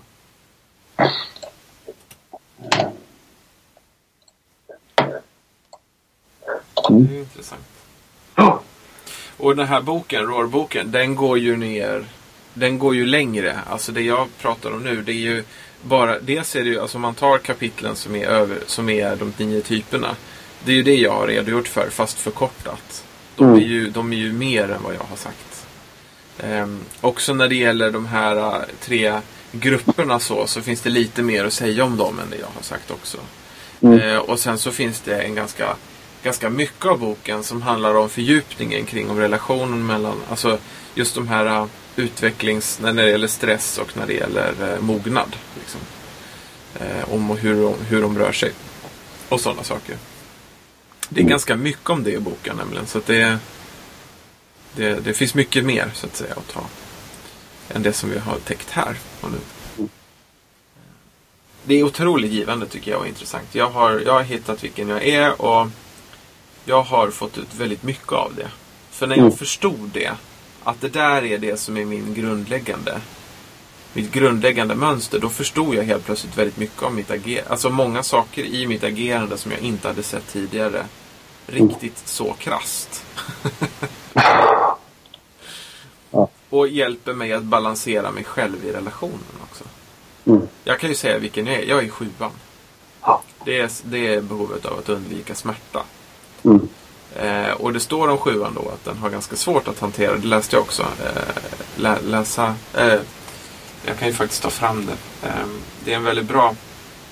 Det står att sjuan har svårt att hantera emotionella problem. Sina egna såväl som andras. Och det står också om den gruppen som sjuan hör till. Att de de har en överdriven oro inför det emotionella. Mm. Och det där, när jag förstod det hos mig själv. Att det mm. stämmer ju. Jag överreagerar på... Eh, min fru är otroligt mycket mer empatisk och eh, eh, liksom duktig på att uttrycka sig när det gäller känslolivet än vad jag är. Mm. Eh, och när hon gjorde det så det gav mig väldigt hög stress i början. Eh, och jag trodde att det berodde på att hon alltid uttryckte sig med för mycket tryck om, om känslorna. Men vad jag har insett efterhand, och det hade jag nog insett förhoppningsvis ändå. Men vad enneagrammet insåg mig, äh, hjälpte mig att inse tidigare i alla fall.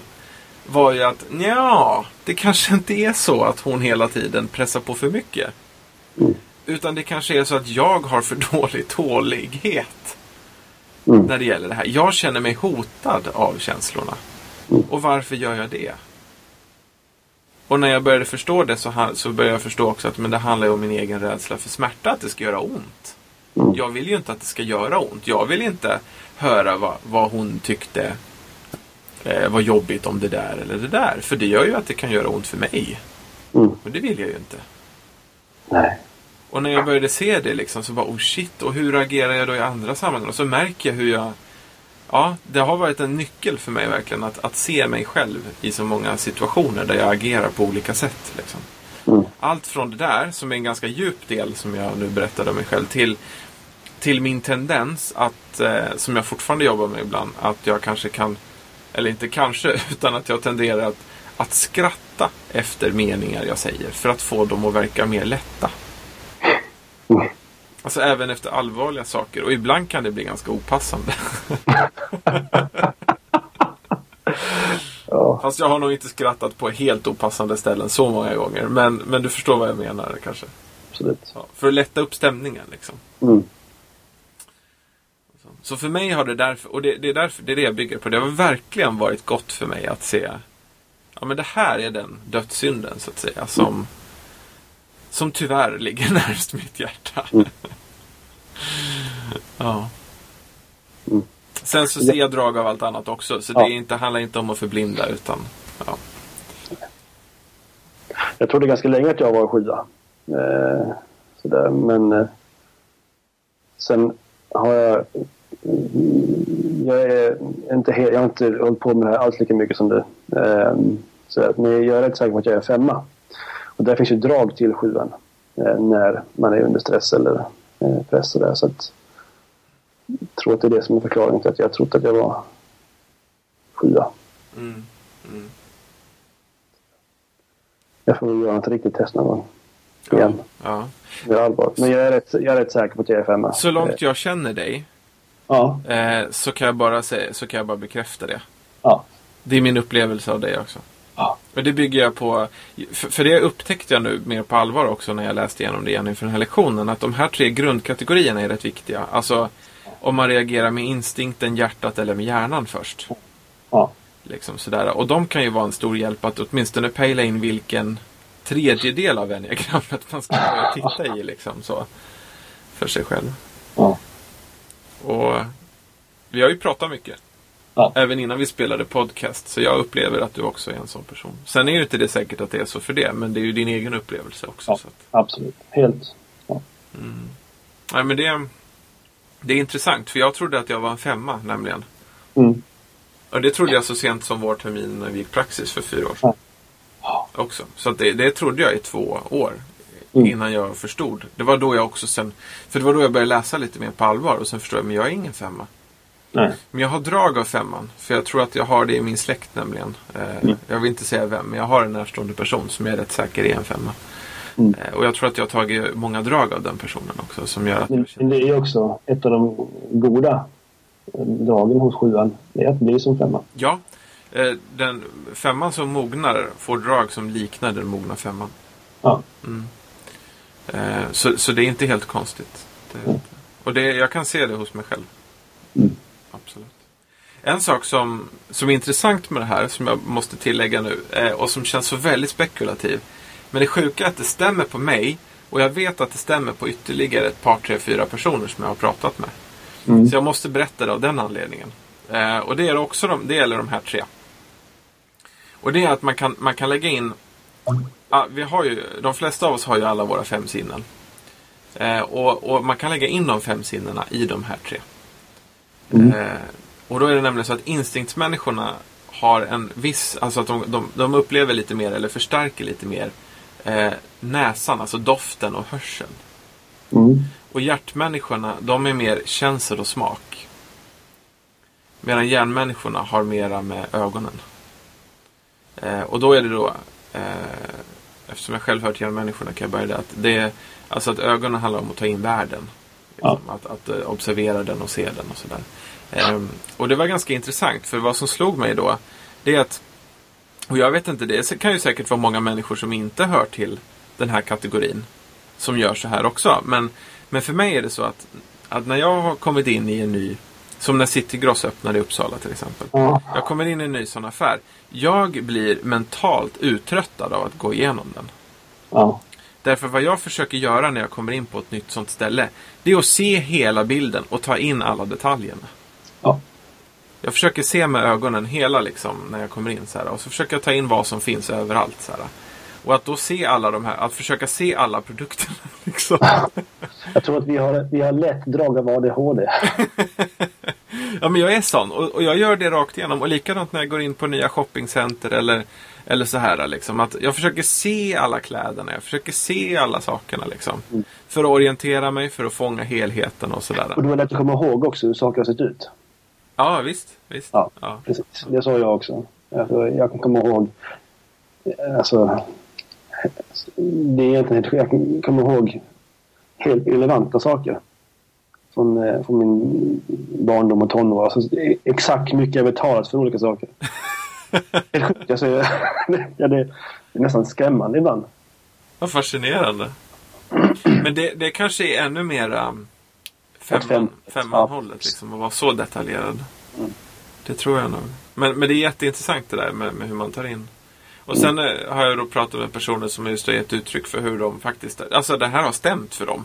Mm. Eh, ganska intressant. Sen vet jag inte om det gör det för alla. Men det kan ju säkert ligga något i det också. Liksom. Mm.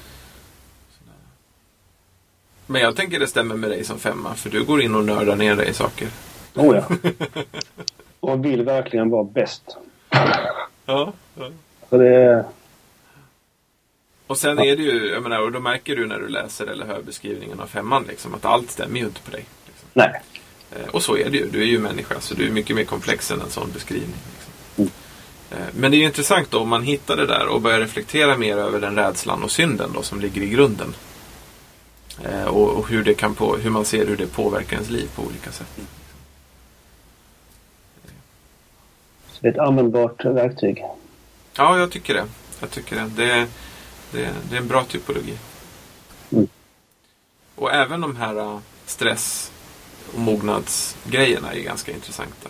Mm. Ehm, Det kan ju om inte annat hjälpa en att se lite. Vad, vad är min... Alltså när går jag åt rätt håll? Alltså så. Och när går jag åt fel håll? Vad man då inte ska tänka är ju, som för mig då som sjua då, så är stresspunkten omogna ettan till exempel. Eh, men Att bli arg. Ja, eh, och den omogna ettan är perfektionistisk, kontrollerande. Alltså en ganska otrevlig som person då liksom. Se ner på andra. Ja, precis. Och, och det är, det är liksom... Eh, vad man inte ska blanda ihop det är ju att det är inte så att jag som sjua inte ska ta inspiration av ettans goda drag. Det är klart jag ska göra det. Liksom. Men, men just att om jag, om jag är under stress, om jag liksom går bakåt så, så tenderar jag att likna de negativa dragen hos en etta. Mm. Så det är ju mer så. Det är inte att man inte får vara, alltså att man inte får ha Nej. goda drag från alla. Liksom. Och det är det, är det jag tycker är risken med ett sånt här system. Att man, att man tänker att ja, men då, då är så här. Ja, just det. Och det finns ingenting jag kan göra åt det. Och det är verkligen inte det som Richard Rohr och den här Andrew, eller vad han heter, Ebert, men, vill med enneagrammet när de skriver om det. Nej. Utan det är ju tvärtom. Det är ju liksom ett medel i helgelsen.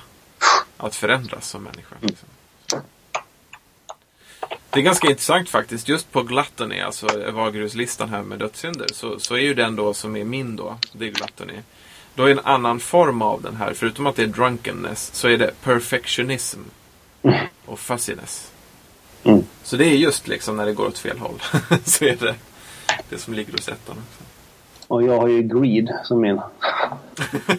Fraud, lying, deceit, idolatry, stealing, ambition. Ja, vi Trevligt. slutar. Nu har vi läst nog för idag. nu kan vi försöka gå och sova. Ja, precis. Nu har vi i alla fall pratat igenom det här. Och pratat i två timmar och en kvart också. Åh, kära värld. Mm. Vi ber om ursäkt. Ja, det här är längsta laget. Det det. Men man kan inte pausa. Och det hoppas vi att ni har gjort också. Ja, det hoppas vi. Så att ni har tagit igenom allt det här. För jag tror att det här är värt att lyssna på. Mm. För om inte annat, även om man inte gillar diagrammet så tror jag ändå att beskrivningarna och kopplingen till synderna kan hjälpa en att reflektera i sitt eget liv. Mm. Och då är det givande oavsett. Mm. Men ska vi tacka för ikväll? Ja, det får vi nog göra. Ja. Klockan är 10 ett. Ja, jag måste gå och sova. Ska du jobba imorgon? Nej, nej, nej. Men jag ska gå upp och ta hand om en bebis. Halv sju. Är hon en bebis fortfarande? Nej, det gör hon inte. Men jag säger bebis. Ja. Ett litet Det barn. det får, det får dig att känna dig som... Eh, du nedvärderar henne helt enkelt. Ja, just det. Du är, du är under stress och press nu. Du går in i ettans. Jag är stressad av att klockan är åtta minuter i ett. I ett. Ja. Tack för den här veckan. ja. Ha det bra. Ha det gott hörni. Och hör av er på teoknologi på Twitter. Reagera at teoknologi.se som mail. Vi finns på Facebook under teoknologi och vi finns på teoknologi.se. Mm. Ha, Vi en- ses. ha en bra vecka. Hej hej. Hej då.